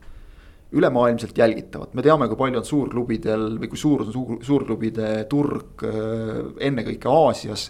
Üritatakse meeleheitlikult laieneda ka USA-sse, kus ju tegelikult jalgpall on praegu tõusuteel ja, ja selle tõttu meie nagu ei mõtle selle pealt, kui meil algavad meistrite liiga mängud väga mõnusalt teisipäeva, kolmapäeva õhtul, meil on neid siin hea vaadata. mõelge nüüd, mis ajal on nad eetris USA ja, ja Aasia ajatsoonides. ei ole nii mugav aeg, kaugeltki mitte. oluliselt mugavam oleks tõsta nad kuskile nädalavahetusele, aga seal on vaata risuks jalus need pagana koduliigad. ja ma vaatan praegu. et noh, sellised asjad mängivad nagu ka päris palju. ma vaatan praegu ehk siis meie aja järgi hakkab tavaliselt meistrite liiga viie tunni pärast, on ju. meie, noh, me teeme seda saadet kell viis umbes, siis, siis on Pekingis kell kolm öösel jah, ei ole kõige parem aeg jalgpallimängu vaatamiseks. fänn no, saab hakkama. liiga on tõstnud ennast ka nüüd ikkagi ettepoole, et ja minu meelest on nad liiga vähe seda teinud, ausalt öelda. et kui me vaatame seda ala, noh, et miks nagu play-off'is praegu mänge ei hajutata ühe õhtu jooksul, ma yeah,. Yeah. et, et kui alustada äh, Eesti järgi kell kaheksa, on Kesk-Euroopa aeg kell seitse on tegelikult normaalne aeg jalka jaoks ei ole, ei, see, see ei ole mingi halb teleaeg, ma ei usu sellesse, kui sul ikkagi tippsatsid mängivad, see on väga, väga okei okay aeg ka nädalavahet, nädala sees tähendab. kui sul on toode, siis, siis ta on okei okay aeg. alagrupi turniiri tõestab seda, kui eriti, kaks mängu on kell eriti kaheksa. praegu, kui publikut staadionile ei lubata. et muidu võib sul olla probleem see, kas publik jõuab staadionile, okei okay,, no, no see, mööname, et see võib olla probleem. suurlinnades see on ikkagi argument jah, aga, aga, tegelikult, et noh, et seda kellaajalist hajutamist meistrite liiga võiks teha oluliselt rohkem, et. alagrupi turniiril me näeme ka seda, et ju kaheksa mängu ühel päeval, kaks tükki hakkavad kell kaheksa.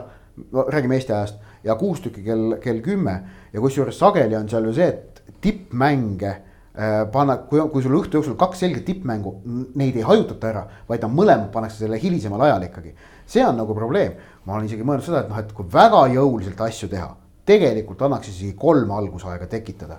et sa alustad, võtame Kesk-Euroopa aja järgi kell kuus, kell kaheksa ja kell kümme ehk Eesti aja järgi kell üheksateist, kell kakskümmend üks ja kell kakskümmend kolm. see ei ole tegelikult ju mingi eriline argument, sellepärast et koduliigasid mängitakse ju täna, täna on ka jah. Torino, Napoli, Itaalias korralik mäng, pool kaheksa Eesti ja, ja, ja Hispaanias vaatad, kui Hispaanias on nädalasisesed voorud, nad alustavad ka seal õhtuti kell üksteist vahest. just, alles, alles eelmisel, eelmisel nädalal oli, mängisin ridamisi, kus alustati kell kakskümmend kolm, et pole üldse probleemi. Nagu- Saksamaal on alati üheksast kolmkümmend. see on nagu asi, mida, see on üks koht, kus nagu meistrite liiga saaks nagu kahtlemata juurde panna aga nüüd noh, ja selge on see, et nädalavahetuse kohti kõrgliigad neile ei anna ja, ja see, see niimoodi jääb. aga nüüd rääkides sellest meistrite liiga ja superliiga teemast noh, superliigast, kurat, ma ise olen juba niivõrd palju sellest kirjutanud, et, et väga palju enam midagi uut öelda ei oska, et kõik, mis on hingel no, nagu, olnud, on kirja pandud. ja nagu ütles Tšeferin, et kui sa veel praegu nagu räägid superliigast kui reaalselt eksisteerivast asjast, siis oled lamemaalane. jah, õigesti. oli tema võrdlus. ja Tšeferin on olnud muljetavaldav ja, ja see, kuidas Tšeferin on saanud äh, ka selliseks heas mõttes meediastaariks, et kui New York Times kirjutab, lõpetab artikli äh, superliiga äh, sünnist ja kiirest surmast sellega ning siis valas Aleksandr Tšeferin endale topeltviski. see oli viimane lause New York Timesi artiklis see on nagu, see nagu näitab staatust. see käis, äh, see käis ühest tema intervjuust, mille ta andis kodumaistele kanalitele veel läbi ja mulle, mulle meeldis selle juures see ja, ja noh, okei okay,, seda võib võtta nagu kui mingit kuvandi loomist, aga mulle tundub, et see tuleb siiralt. ta ütles ka seda, et, et millised olid näiteks tema venna emotsioonid, kes noh, tundis ja, ja Balkani rahvastel see on nagu eriti, minu vennale mm. tehti liiga, sõbrad lõid noa selga äh, kuidas tema pere suhtus, kui, kui palju tal on perest tuge olnud. kujutate ette näiteks noh, Sepp Platterit nagu sellest rääkimas või Platiniid, ei, nemad olid need elevandiluust ja. tornis istujad ja, ja valitsejad. Šeferin on teinud väga selge sammu, mulle tundub nagu eh, noh ma ei taha öelda, et ta nüüd rahvamees oleks, sellest on ka asi kaugel, aga rohkem inimene see, see tundub olevat tema selge eesmärk. Tšeferini tausta tuleb vaadata ka ja panna ta, ütleme sinna sellesse Euroopa jalgpallijuhtide ajaloolisse taustsüsteemi, siis tegemist on esimese Ida-Euroopa jalgpallijuhiga, äh, kes Euroopat juhib, sest et noh, et äh, Sloveenia on küll endise idabloki kõige läänelikum osa üldse, aga ta oli endises idablokis Jugoslaavia kaudu. Äh, me ei saa, aga kuna Tšeferin ise on noh, tal on olnud õnnetus elada kommunismis ja sinna sündida, siis ta teab, mida kogu ja ta mõistab seetõttu Ida-Euroopat ja Ida-Euroopa omakorda usaldab teda seetõttu rohkem. teiseks on tegemist mm -hmm. väga selge väikeriigi esindajaga. kui seni on meil väikeriikide esindajad olnud jalgpalli tippjuhtimise juures sellised, ütleme noh, šveitslased või luksemburglased, mis võivad küll olla noh, niimoodi pindalalt väikesed, siis äh, tegemist on väga jõukate riikidega ja see jällegi noh, muudab perspektiivi teistsuguseks, Sloveenia kohta seda kindlasti öelda ei saa. tegemist on äh, on siis jah, Ida-Euroopa esindajaga, väikeriigi esindajaga. Äh, ja, ja see noh, annab talle sellist nagu usaldusväärsust paratamatult juurde ja, ja nüüd ka see tema käitumine kogu selles superliiga kaasuses, see kindlameelsus, mida ta on üles näidanud. ka see, kuidas ta suutis tegelikult äh, Gianni Infantino ja UEFA ja FIFA ei saa tegelikult liiga hästi läbi endiselt, noh, nad on proovinud siin nüüd alliansi ehitada, aga see on nagu selline sunnitud abielu rohkem. aga see, kuidas ta suutis panna Gianni Infantino ja Toomas Bachi, rahvusvahelise olümpiakomitee presidendi. Eh, kakskümmend kaheksa tundi pärast seda, kui superliiga oli oma teatega välja tulnud UEFA kongressil esinema ja superliiga no maapõhja taguma see näitab ka, et noh, see oli Tšeferini aktsiatele mõjus ikka väga jõuliselt et ei läheks nüüd nagu liigseks ka kiitmiseks, siis ma ütlen ühe, ühe asja, mis vähemalt kõrvalt vaadates nägi, no ei näinud hea välja. Nasser El Al-Khelaifi nimetamine ametisse. arvestame seda. see ei ole Tšeferini teha sellepärast, et ta on ex officio, kuna ta valiti ECA uueks juhiks siis ta läheb automaatselt UEFA täitevkomiteesse mida ja UEFA ise ei saa sinna puutuda. ei, ma ei peagi silmas nagu Tšeferini suhtes, ma pean silmas üleüldiselt nagu Euroopa okay. jalgpalli ja, juhtimise suhtes jah, seda ma ei täpsustanud, see on, sul on selles mõttes õigus. pean, peangi just mõtle, silmas seda, et, et see, et ütleme siis nii, et see, et ECA juhiks sai Al-Khelaifi, sest see natukene paratamatult või no mis natukene, päris tugevalt nullib ära äh, seda nii-öelda seda uue alguse efekti äh, sest oleme ausad, üks asi, mida siin on muidugi, see, see ei ole üldse nii lihtne, et noh, teinud siis ära financial fair play. Äh, seda ei ole olnud nii lihtne teha, kui ikka klubid üldse ei taha, siis nad ei taha. seda me oleme näinud noh, väga palju erinevates aspektides ka, ka väiksemal skaalal, ka kodusemal, et kui klubi ei taha mingit reeglit täita, siis ta noh jõuga ei ole võimalik sundida, siis tuleb leida nagu mingisugused muud hoovad, ütleme, et piitsaga ei saa, siis tuleb präänikuga proovida. praegu tekitas see nagu sellise tunde, et noh, okei okay,, et te räägite nagu ilusat juttu, aga kõik läheb vanaviisi edasi. sest et noh, oleme ausad, Pariis Saint-Germain ikkagi viisakalt mõni ütleb vilistas, teine ütleb, et sülitas. Financial fair play'le tehti oma liigutused ära, mindi edasi, et see praegu on nagu ütleme PR-i mõttes sest noh, ma, ma ei. ei no UEFA, UEFA PR sellistest noh, ma ei ütle ka, et UEFA on nüüd siin ilmeksimatu olnud või kõik ainult hästi teinud, et mulle absoluutselt ei meeldi see, et äh, Dublinilt arusaadavatel põhjustel ära võetud EM-mängud anti Peterburile. ehk et riigile, kes äh, hetkel vanglas Aleksei Navalnõit piinab. Äh, see on lubamatu. Aga, saa... aga noh, selliseid otsuseid jah, UEFA teeb ka me ei saa üle ega ümber ikkagi ka sellest, et äh, mulle tundub, et, et kohati iga Tšeferin tahab nagu liiga kiirelt seda minevikku maha matta, rõhutab seda, et noh, Platini ja Platter olid halvad. nüüd mina kandideerisingi selleks, et plats puhtaks lüüa, loomulikult on ta seal, see tal teatud määral õnnestunud. Äh, ja ta, ta nagu unustab kohati nagu ära, et, et see, see on äh, asjade sees olles võib-olla ei saa sellest täpselt nii hästi aru, aga et see on. see on pikem protsess, et inimesed unustaksid kogu selle jama, mida, mis kaasnes varasemate juhtidega ja ütleme, mitte ainult juhtidega, vaid mis ikkagi oli nagu sügavalt imbunud igale poole ka sinna öö, äh, väiksematesse rakkudesse okay., sest see on selles mõttes paratamatu, kus liigub suur raha, seal tekib ka teatavat korruptsiooni ja see suur raha tekitab probleeme, sest inimene on loomu poolest, kipub ikkagi olema paraku ahne. et, et see, see nüüd äh, võib-olla on praegu see hetk, kus, kui see superliiga on maha surutud edukalt. sellega on loodud noh, paljude silmis, ma pean silmas just nende silmis, kes on asja sees, hea kuvand nüüd võib-olla oleks mingil hetkel ka hea rahulikult, vaikselt asjadega edasi minna. ma miskipärast muidugi usun, et Šoferini järgmine samm nüüd, kui see faas, millest me rääkisime, mööda saab. kus ta noh, on ja peabki olema selline jõuline pildis olev juht. kui see mööda saab, siis ta asub ka rohkem jälle, mitte et ta praegu seda ilmselt ei teeks, nagu sisuliste asjade juurde. sest et see meistrite liiga praegune formaat, noh, tegelikult mõnedki on öelnud, et see nüüd selle superliiga jandi varjus võeti vastu ja, ja noh, ütleme mängijad just on protestinud, et jälle mänge juurde, võib-olla Jürgen Klopp kõige... on mees, kes, kes kõige rohkem sõna võtab. suu et... kinni hoida sel teemal kelle, kelle äh, survel see uus meistrite liiga formaat vastu võeti, see on tippklubide soovil tehtud formaat. Kloppi enda tööandja on selle formaadi taga, seal ei ole mitte mingit äh, ja äh, põhjust selle üle äh, tippklubide esindajatel jaurata. Nõus, tahtsingi selleni just jõuda, et tippklubid võtavad sõna, aga just me ikkagi nagu noh, me oleme juba rääkinud sellest, et praegune meistrite liiga juba natukene nagu meenutas superliigat, kui me vaatame, mis klubid seal tipus on. aga, aga, aga, aga et uus nagu etteheide on see, et uus süvendab seda veelgi. minu meelest seda ei ole võimalik hinnata, enne kui selle uue süsteemi järgi ei ole hakatud mängima, kas ta teeb põnevamaks, kas ta ei tee põnevamaks, kas ta tasandab seda klassivahet või mitte, aga vähemalt proovitakse midagi teha, uuendada. ei, ei öelda, et nii on, nii jääb, olge vait. ma tahan selle uue formaadi kohta sõna võtta ja ma tahan seda formaati ettevaatlikult kiita. Äh, ja ma ennem kui ma siis ütleme, põhjendan ära ka selle, äh, annan sellise ühe, ühe taustsüsteemi ka, et eelmine uus võistlus, mille UEFA välja mõtles, oli Rahvuste Liiga. ja see, nagu me teame, on osutunud ikkagi selgelt edukaks projektiks see, et äh, jällegi mõned treenerid eesotsas Jürgen Kloppiga, kellel äh, noh, see hooaeg on tuksi läinud ja sellepärast hakkas juba sügisel rahvuste liiga kallal näägutama.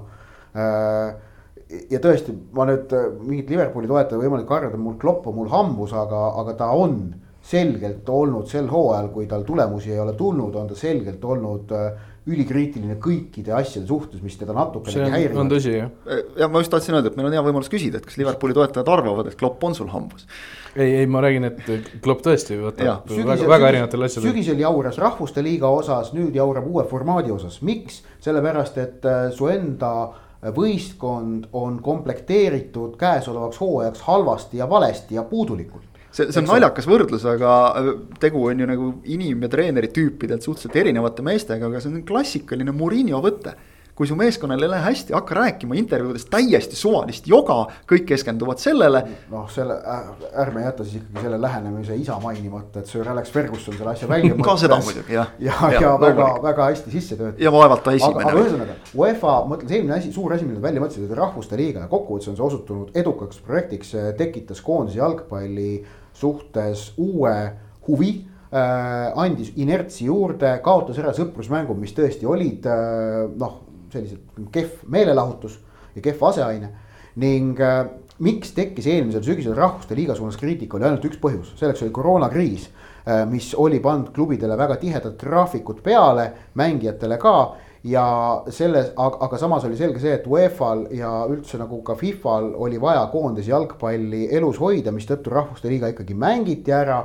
ja, ja seetõttu noh, see oli see, mitte selle võistluse sportlik nüanss noh, mis pakkus meile suurepärase mängu Hispaania-Saksamaa kuus-nulli näol näiteks ja seal oli veel väga häid mänge ja draamasid ja ilusaid lugusid, kuidas tõusti ja langeti et, et rahvuste liiga on olnud edukas, ehk et see on nagu ma arvan, anname UEFA-le krediiti, nad on äh, lansseerinud äh, väga edukalt äh, tegelikult või noh, tutvustanud ja ka lansseerinud seda Kariibi merele for, for, for, for maailma jalgpalli viimaste aastate kõige edukama võistlus, uue võistlusformaadi. nüüd nad mõtlesid välja selle meistrite liiga uue formaadi. miks see mulle meeldib? Et üks klubi, äh, et loobutakse kodus võõrsil mängudest. ausalt, alagrupi turniiril, väga mõistlik. tegelikult, et, et üks võistkond mängib nüüd ala, nõnda öelda alagrupi faasis kõik mängud erinevate vastastega, väga hea lüke. mulle see tõsiselt meeldib, see lisab juurde noh, väga palju värvi sellele turniirile siis äh, see, et äh, on siis noh, see Šveitsi süsteem, et äh, proovitakse seda, et tugevamad rohkem omavahel, nõrgemad rohkem omavahel.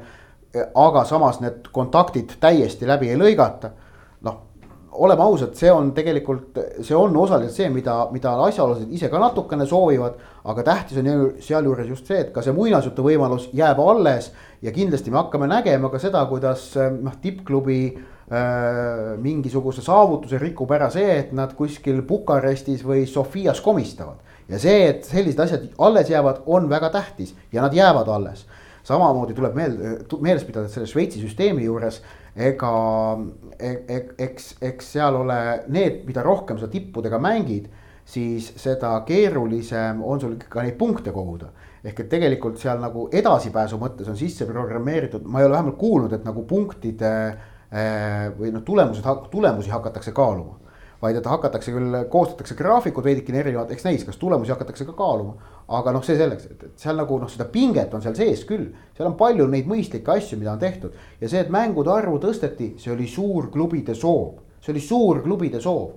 Ning äh, kui tahab äh, Jürgen Klopp, et mängude arv ei suureneks siis öelgu oma tööandjale Liverpoolile, et too läheks Premier League'i jutuga, et äh, Premier League'i võistkondade arv vähendada kaheksateistkümnele. see tähendab neli hooa, neli mängu liiga hooajal vähem ja neli hoo-, mängu on see, mis meistrite liigas juurde tuleb. et play-off'is kaks tükki võib-olla juurde tuleb, see on teine teema.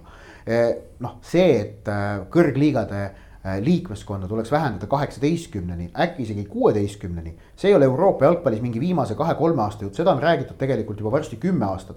Bundesliga on seda ammu ära teinud ja me näeme, kuidas noh, Bundesliga-l see, see, see tegelikult ei nagu ei, ei, ei ole muutnud asja halvemaks küll aga Bundesliga puhul erinevalt teistest kõrgliigadest on väga selgelt ühtne süsteem teise Bundesligaga, mida Premier League'il ei ole Äh, La Ligal on see habras, aga on olemas, mitte niivõrd tugev, kui on see Bundesligal. ning äh, seeriaal seda samuti minu teada, kurat ei vist on, aga samamoodi habras. Bundesligadel see nagu ühtsus minu meelest toimib paremini no ärme Inglismaa puhul unustame seda, et, et kui sa tõstad sealt ülevalt, ütleme näiteks kaks meeskonda esiliigasse, need on praegu niigi juba kahekümne nelja liikmelised. ehk noh, sinna mänge juurde enam ei, pole võimalik teha. sa võtad altpoolt ka. aga kui sa altpoolt ära võtad, siis läheb hirmsaks kisaks, see on selge täiesti, et see on ilmselt see, see seal jällegi seal noh no,. Neljas... liiga püramiidi, mis on praegu üheksakümmend kaks, sa peaksid vähendama üheksakümne peale. see tähendaks, vabandust, et sa viskad välja sealt altpoolt, noh näiteks võtame mingil Torquay ja, ja võtame näiteks noh, teise suvalise näite Macclesfieldi noh. no ei, nad vabandust, hinnates väga nende väikeklubide äh, romantikat ja omapära, neid ise, seda ise kõike nautides, sellest ei juhtu mitte midagi. et sa tõstad nad äh, tugevuselt neljandast viiendasse, sest ka tugevuselt viies on veel üleriiklik liiga. ma testin su teadmisi, mis võistkonnad sa ütlesid praegu, ise ka ei mäletanud. Torquay ja Macclesfield. Äh, mõlemad mööda Southend United ja Grimsby Town antud hetke seisuga. ei, seda ma tean, et nemad kaks on välja langemas, aga kas ma, kas nad Torquay ja Macclesfield oh, mängivad järgmised. Äh, League Two's või mitte uh,? Barrow ja Scunthorpe United oleksid siis äh, okay, need, kes seal nagu ka löögi alla langeks. aga Macclesfield vist on praegu Nash- äh,, tugevuselt viiendas ja Torquay äkki ka, ma äkki ütlesin juba satsid, kes on National League'is. jah äh,, League Two's nad praegu ei ole igatahes no.. aga noh, nad on ilusad nimed ja kõik. ja, ja no, noh, midagi sellist on ju et noh, tegelikult see on äh, väike detail, aga selge on see, et Inglismaal hetkel selle jaoks nagu soovi ei ole, kuigi mingid jutud nüüd on hakanud hargnema. et äh, kuna Glasgow kahte äh, tippklubi ikkagi nüüd on hakatud mõtlema, et tuua nad Inglismaa jalgpallisüsteemi mängima ja anda neile pääs siis nõnda-öelda Premier League kahte. et seal võib järgneda Inglismaa jalgpallis suurem reform. noh, ma ise hakkan mõtlema, et kui nad tahavad panustada sellele, et, et see noh, e-, et eurosarjades mängude arv ei suureneks või noh, tähendab kokkuvõttes mängude arv ei suureneks, et noh, et noh, kui teha Premier League üks, Premier League kaks, mõlemad kaheksateist, äkki siis, äh, siis oleks isegi keeruline, et kui nad tahavad seda, et neil oleks ka suvel rohkem aega neid äh, tulusaid sõprusmänge pidada. siis teha Premier League üks ja Premier League kaks niimoodi, et seal on kolmkümmend kaks satsi ja kuusteist ja kuusteist on need divisjonid või on kuusteist ja kaheksateist. või kuusteist ja kakskümmend niimoodi, et tippmisesse jääks kuusteist, aga Premier League kahte jääks kakskümmend Äh, ja, ja siis sinna alla, no aga no,. praegu minu jaoks, no minu, tähendab see, mis ma siin praegu räägin, see on igasugune alusetu mambo jumbo ja puhas selline teoreeti-, teoretiseerimine. aga see Glasgow klubide toomine, millest on tegelikult siin räägitud ammu, mis vahepeal vaibus, kuna Rangers noh, kukkus ära alla, nüüd ta nad on jälle tugevad eurosarjas nüüd ennast sel hooajal tõestanud et, et nüüd, nüüd, nüüd on see jälle üles tõmmatud. Inglismaal ja... muidugi mängude arvu vähendamiseks, noh, minu hinnangul no, endiselt oleks kõige lihtsam täpselt liiga karikas mm -hmm. ära unustada ja. lõpetada, aga sellega ei ole nõus. sellega, sellega ei ole nõus Man City kindlasti, sest neil ei ole karikat, mida võita tegelikult noh, noh, tegelikult, kes ei ole sellega nõus, et kelle jaoks on liiga karikasari praegu see rahalehm on English Football League yeah., kes seda liiga karikasarja äh, ju korraldab, ehk et nemad on siis see, kes praegu tugevuselt teist, kolmandat, neljandat liigat, championship'i, league one'i, league two'd manageerivad. Eh, see on nende eh, karikasari ja kui neilt see ära võtta, siis nad hakkavad lõugama, neile tuleb midagi asemele pakkuda, noh, neile on lihtne pakkuda raha eh, ja siis nad enamasti võtavad selle vastu. vähemalt vähemalt kui Project Big Picture tuli, siis English Football League tahtis selle vastu võtta, tuletan meelde, eelmine sügis mis oli omakorda siis põhimõtteliselt huvitaval kombel, huvitaval kombel, kui pakkuda kellelegi raha, siis nad tihtipeale võtavad selle vastu. jah, aga noh, aga nüüd kogu äkki selle superliiga teema lõpetuseks, et siis, et noh mida ma loodan, et kogu see eelmise nädala asi nüüd kaasa toob, on siis tõesti see, et. et aga äkki hakata, tähendab Florentino Perez ju ütles, et, et kui superliigat ei tule, siis unustage ära, et me saame osta, siis ei osta mitte keegi Erling Braut Haalandit. maailm ei jää sellest seisma maailm ei jää sellest absoluutselt seisma, kui mitte keegi ei osta Erling Braut Haalandit või mitte keegi ei osta Guillem Mbapped või Madridi Real ja FC Barcelona järgmised kolm aastat ei saagi mitte kedagi osta, vaid peavad oma mängijatega mängima, free signing utega hakkama saama.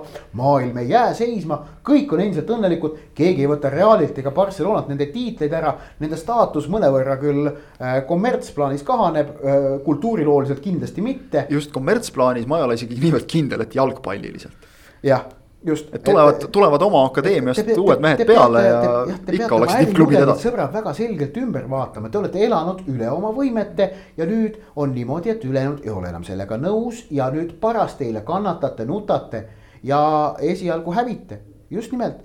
Eh, Barcelona noh, tegelikult nad ei saa lubada endale Lionel Messiga uue lepingu sõlmimist no,. No, rahaliselt ei, nad ei saa seda endale lubada. Nad ei saa endale üldse suurt midagi lubada tegelikult ja. praegu, aga kes tegi, ise tegi. just ja ma väga loodan seda, et, et see tagajärg, mis kokkuvõttes tippjalgpallis on, on ikkagi see, et. et ei, lõpeb ära see üle oma võimete kulutamine. kas äh, tulevad mingil määral Euroopa tippjalgpalli palgalimiidid?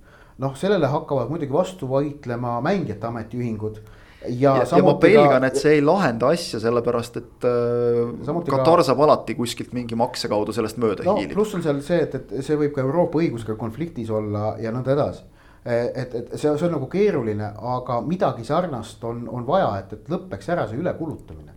kogu asja põhjus on selles, miks noh, et kui, kui, mis on aluspõhjus, miks see superliiga kurjuse telg, nagu ma ütlesin, miks nagu nad, nad teevad nii, nagu nad teevad.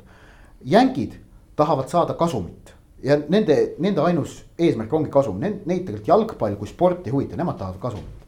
siis teine kurjuse telje osa on Real ja Barca miks nemad seda teevad, sellepärast et nemad ei suvatsegi hakata kulutama niivõrd palju, kui nad teenivad, vaid nad tahavad äh, elada üle oma võimete. tahavad kulutada nii palju, kui nad tahavad. just ja, ja kolmandaks Torino Juventus, seal mul natuke saada, minu arust nagu majanduslikult ma olen aru saanud, Juventus on omadega üpriski nagu korralikus seisus aga Agnellil vist on mingi maailmavallutusplaan või midagi sellist on vist ilmselt tal olnud. ja vot see, see on just alati see, et kunagi sa ei saa välistada seda väikest Napoleoni inimese sees yeah, kui ta satub jalgpalliklubi juhtima, ütleme, et kui ta nagu omandab jalgpalliklubi. Need ka, väljaütlemised. seda on ka muuseas mitme Andre Agnelli väidetava tuttava puhul näha. jah, Florentino Pereze väljaütlemised on äh, jah nii, nii, mis need on Florentino Pereze väljaütlemised on minu jaoks olnud nagu parim peegeldus sellest, et kui reaalsusest irdunud saab tegelikult inimene olla. just needsamad need, et aga keegi ei saa osta Haalandit ja ta esitas selle nii, et ma usun, et ta, tema jaoks siiralt on see tragöödia. ma ei saagi osta poest seda kõige ilusamat äh, ma käekotti, oleks ma tahtnud, et ta selle ka ikka ära tõestab, kuidas on seal ainult nelikümmend Chelsea fänni oli. Kui kõik pildid näitavad, et neid oli sadu, võib-olla tuhandeid. Peeter Tšehh kuskil nende vahel seal, aga tema, tema teab, et need on kuskil kohale toodud. Algatus näitlejad, aga sa tead, kuidas tänapäeval ju ju,, kuidas tänapäeval ju, ju, ju käib need sellist asja ega ta ütles, tõestada et ma võin tõestada, ma võin tõestada, kes need kohale tõi või midagi siukest, aga kurat, oleks võinud küsida siis. no jauras täiesti nagu seosetult pläma. aga sa tead, kuidas tänapäeval, tänapäeval se- sellised asjad nagu ära tõestatakse, on see, et lihtsalt ütled, et aga mina ei usu, et seal oli nii palju inimesi. Järelikult ei olnud. aga see ongi tegelikult hea. see oli see, et, Perez, Perez äh, vaatas ära, et kui nelikümmend inimest oli kokku siis teatas stop the count ja kõik. aga sealt nüüd edasi, läheme, läheme vast meistrite poolfinaali ma juurde, tahtsin, täpselt ma tahtsin ühe asja hästi kiirelt veel omalt poolt kokku võtta, mis mind nagu selle superliigaga seoses kõige rohkem kummastas, et. äh, see ilmselt nagu selles peegeldub ka mingisugune vaade ühiskonnale, mida me noh, oleme nagu ka näinud, me tõesti poliitikasse oma juttudega täna ei lähe ja püüame seda ka edaspidi vältida. et mitte paksu verd tekitada ei ole vaja, aga äh, antud juhul see, kuidas äh, on päris nagu üllatavalt palju oli minu jaoks inimesi, kes leidsid, et, et aga mis õigusega katusorganisatsioonid nagu UEFA ja FIFA on üldse katusorganisatsioonid. mis õigusega nemad on jalgpalli monopoliseerinud, igaüks peaks tohtima mängida sellises liigas, kus tema ise tahab. ma tooksin siia lihtsalt, tohibki, aga. täpselt, ma tooksin siia kõrvale sellise võrdluse, tohibki. vaba riik, vaba maa, ainult et siis mängite lihtsalt ainult seal liigas just, see on natukene võrreldav sellega, et, et kui äh, ütleme, et äh, minul ja mu sõpradel on äh, uued mersud. kallid mersud, mis, millega on võimalik sõita kolmsada kilomeetrit tunnis. me tahame nendega kangesti sõita maanteel kolmsada kilomeetrit tunnis äh, ja hakkame rääkima, et aga vot need teised, kes seal sõidavad, noh, ma ei tea, näiteks uue Renault Meganiga, mille nad on liisinud, et nemad võiksid noh kui nad peavad nagu tingimata sõitma, et, et noh, siis nad, nad võivad ju ka olla seal kuskil, aga et üldiselt oleks parem, kui nad sõidaksid äh, ikkagi mingit oma teed mööda. kas mujal või siis ainult öösel kella ühest viieni, siis kui mina parajasti mersuga seal ei sõida. just ja, ja kellel on äh, üleüldse mingisugune vana Passat, mida ta ise on remontinud ja nagu käigus hoidnud väga, väga usinalt ja hoidnud selles mõttes nagu seda ökoloogilist jalajälge ikkagi võimalikult väiksena. et äh, nendel, nende jaoks on kõrvalteed, aga, aga me lubame neil nagu tegelikult tulla siia meie tee äärde vaatama, kuidas meie kolmsada kilomeetrit tunnis sõidame. natukene nagu maksavad piisavalt palju raha Just. ja on lugupidavas kauguses ja üleüldse ei mölise. just ja kui nad just täpselt, kui nad nagu liiga palju sõna ei võta ja saavad ikkagi aru, et meie oleme kõige tähtsamad. kui nüüd sellise jutuga minna ükskõik millisesse seltskonda, siis ma arvan, et teid saadetakse suhteliselt kiiresti suhteliselt kaugele. Ehk et. Ja sügavale. ja sügavale, et äh, vahel tasuks nagu selliseid analooge otsida. ei tasu suurklubidel unustada ka seda, et püramiidi tippu ei ole olemas ilma püramiidi alumiste korruste ja kihtideta suurklubid ei eksisteeri nii-öelda vaakumis. Ja selle minu meelest suutsid, ütleme siis need, need tegelikult, kusjuures tuleb siis öelda tagantjärgi, õnneks üksikud eh, suurklubide omanikud täielikult ära unustada. võib-olla nad ise ongi harjunud elama ka ainult seal elevandiluust tornis ja püramiidi tipus. ja sellest tuleneb see, need väljaütlemised aina süvendavad seda vaadata siin ka neid äh, Inglismaa klubide omanike vabandusi, noh klubidel. Nimetame klubideks siis tõesti nagu neid, kes inimesi, kes reaalselt seal klubides töötavad, neil oli piinlik. omanikel minu meelest oli rohkem see emotsioon, et kurat, ei läinud läbi. ei läinud läbi, pagan võtaks.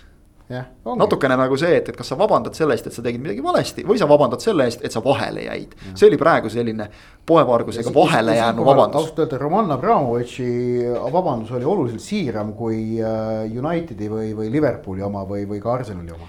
vaata, tema on teadnud, et või teab Ja ja oli õppinud õppinud nagu sellega, et teatud inimeste ees tuleb vabandada isegi Roman Abramovitš. jaa, ei, aga, aga seal on oluline vahe on see, et äh, miks Abramovitš ja miks Araabia Ühendemiraatidel on Manchester City, miks Abramovitšil on Chelsea. Nemad ei aja taga kasumit, vaid mainet.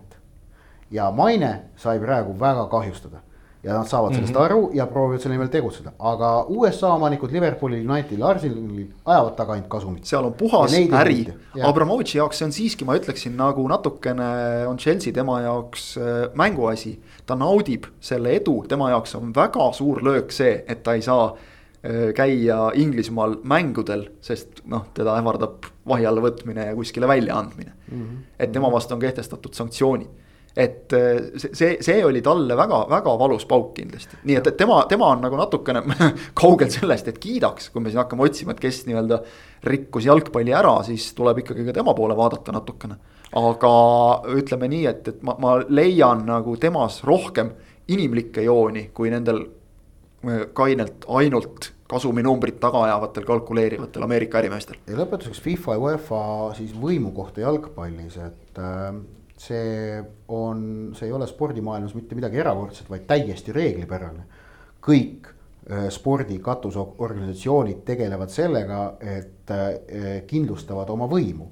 sellepärast, et see on, see on täiesti loogiline selles maailmas, et sa pead seda tegema et äh, sa saaksid täita oma põhifunktsiooni, mis on selle spordiala arendamine.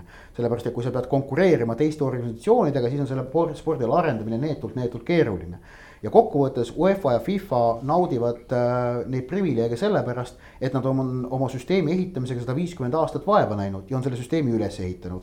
me hakkame organiseeritud jalgpalli hakkame võtma siis sinna, kus esimesed jalgpalliliidud äh, Inglismaal, Šotimaal asutati äh,. ning äh, Äh, ning äh, nüüd, kui kellelgi teisel on soov nende kõrvale tõusta, siis hakake samamoodi, palun väga oma nullist oma jalgpalli äh, püramiidi arendama. Aga kui te tahate eralduda praegusest, siis arvestage, et see praegune ei lepi sellega ja rakendabki teie suhtes kõikvõimalikke sanktsioone. see on ainuõige käitumine, ainuõige teguviis ja niimoodi nad peavadki tegema see ei tähenda nüüd seda, et tuleks heaks kõita, kiita kõik, mida FIFA ja UEFA on teinud eriti FIFA, aga UEFA on muidugi noh, eksinud oma teekonnal nagu tohutult ja väga-väga-väga-väga põhjalikult ka väga suuri vigu teinud. Aga see ei tähenda seda, et jalgpalli jaoks oleks vajalik hakata neid organisatsioone lammutama. see oleks jalgpalli jaoks kahjulik ja vale tee. Neid tuleb proovida seespidi muuta niivõrd väga, kui see on võimalik, me Tšeferini heast mõjust oleme rääkinud. FIFA puhul on see asi kahjuks väga palju keerulisem, sellepärast et äh, et kui Euroopas. ütleme viisakalt tekivad sellised äh, Kultuurilised. kultuuriruumilised küsimused. jah, et noh, et Euroopas on, on head kombed rohkem au sees, kui me võtame FIFA kahtesada kolmeteistkümmet liiget. meenutame, meenutame ka seda, et Platteri skandaalis jah, Platini oli ka seal osaline, aga UEFA süvitsi rahadega. läksid need äh, jah, mitte sellega ja süvitsi läksid selle asja juured ikkagi just nimelt ka Lõuna-Ameerikasse. noh, teistele mandritele, ütleme siis kokkuvõtvalt mm. -hmm.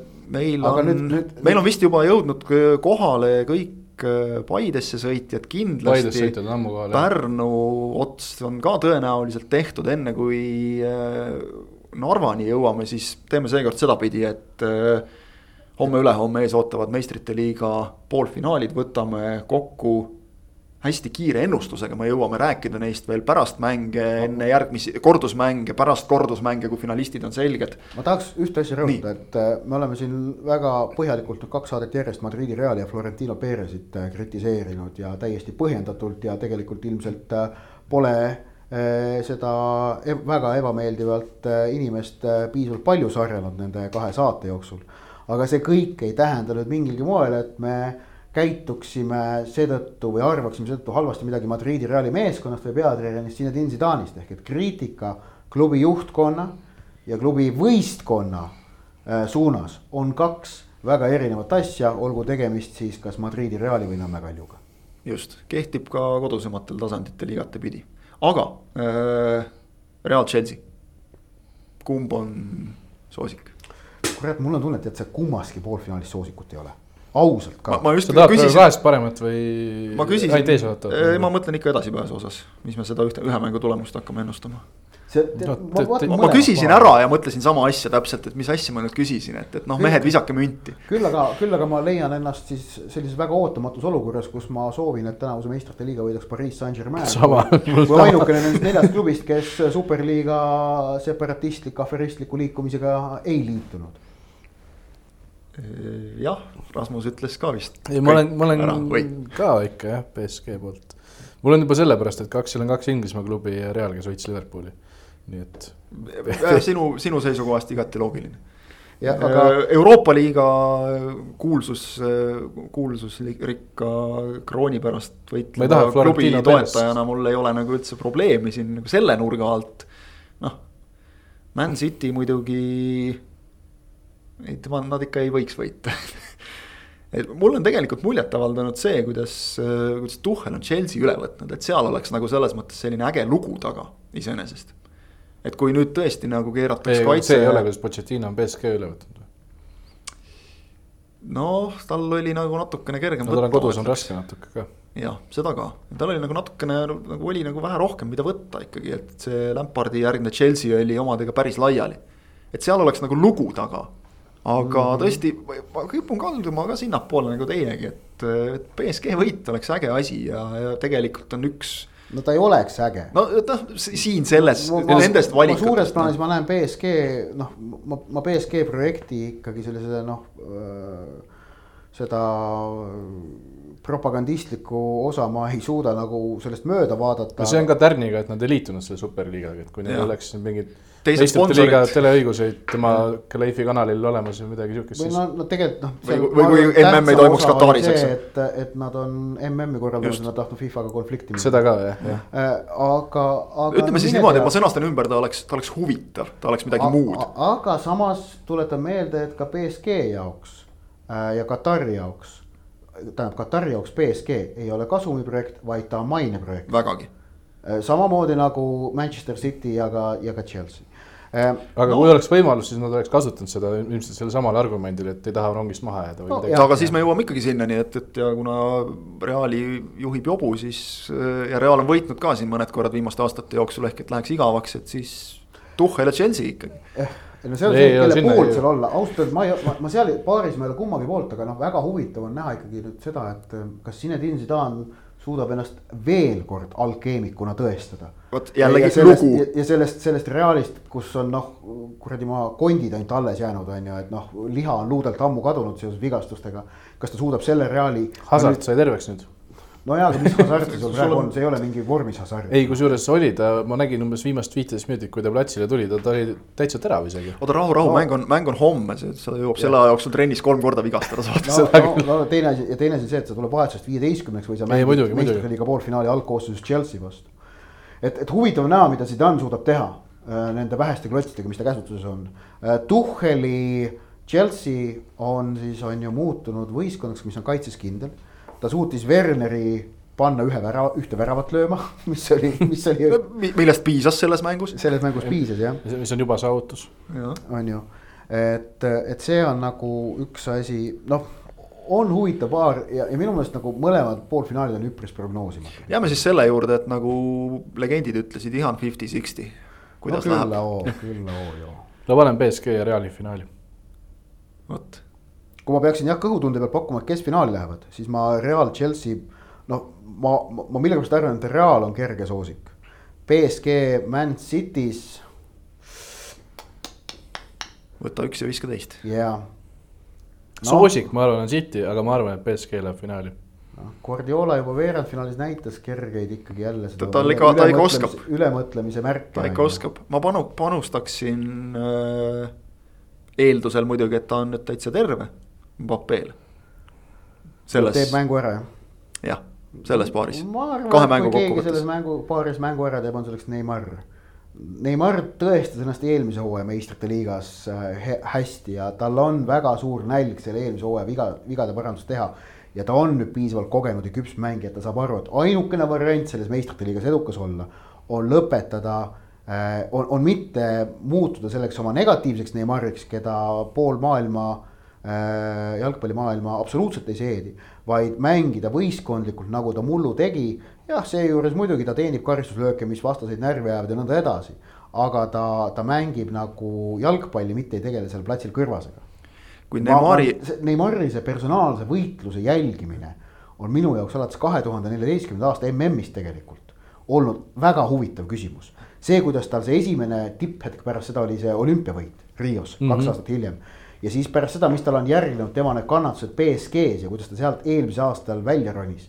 ja mind, kuidas mind tohutult vapustas, et kui ma teda kiitsin seal ühes mängu ülevaates, kuidas see nagu jällegi inimesi välja veastas, kuidas Neimar'i on võimalik kiita et noh, kuidas nagu.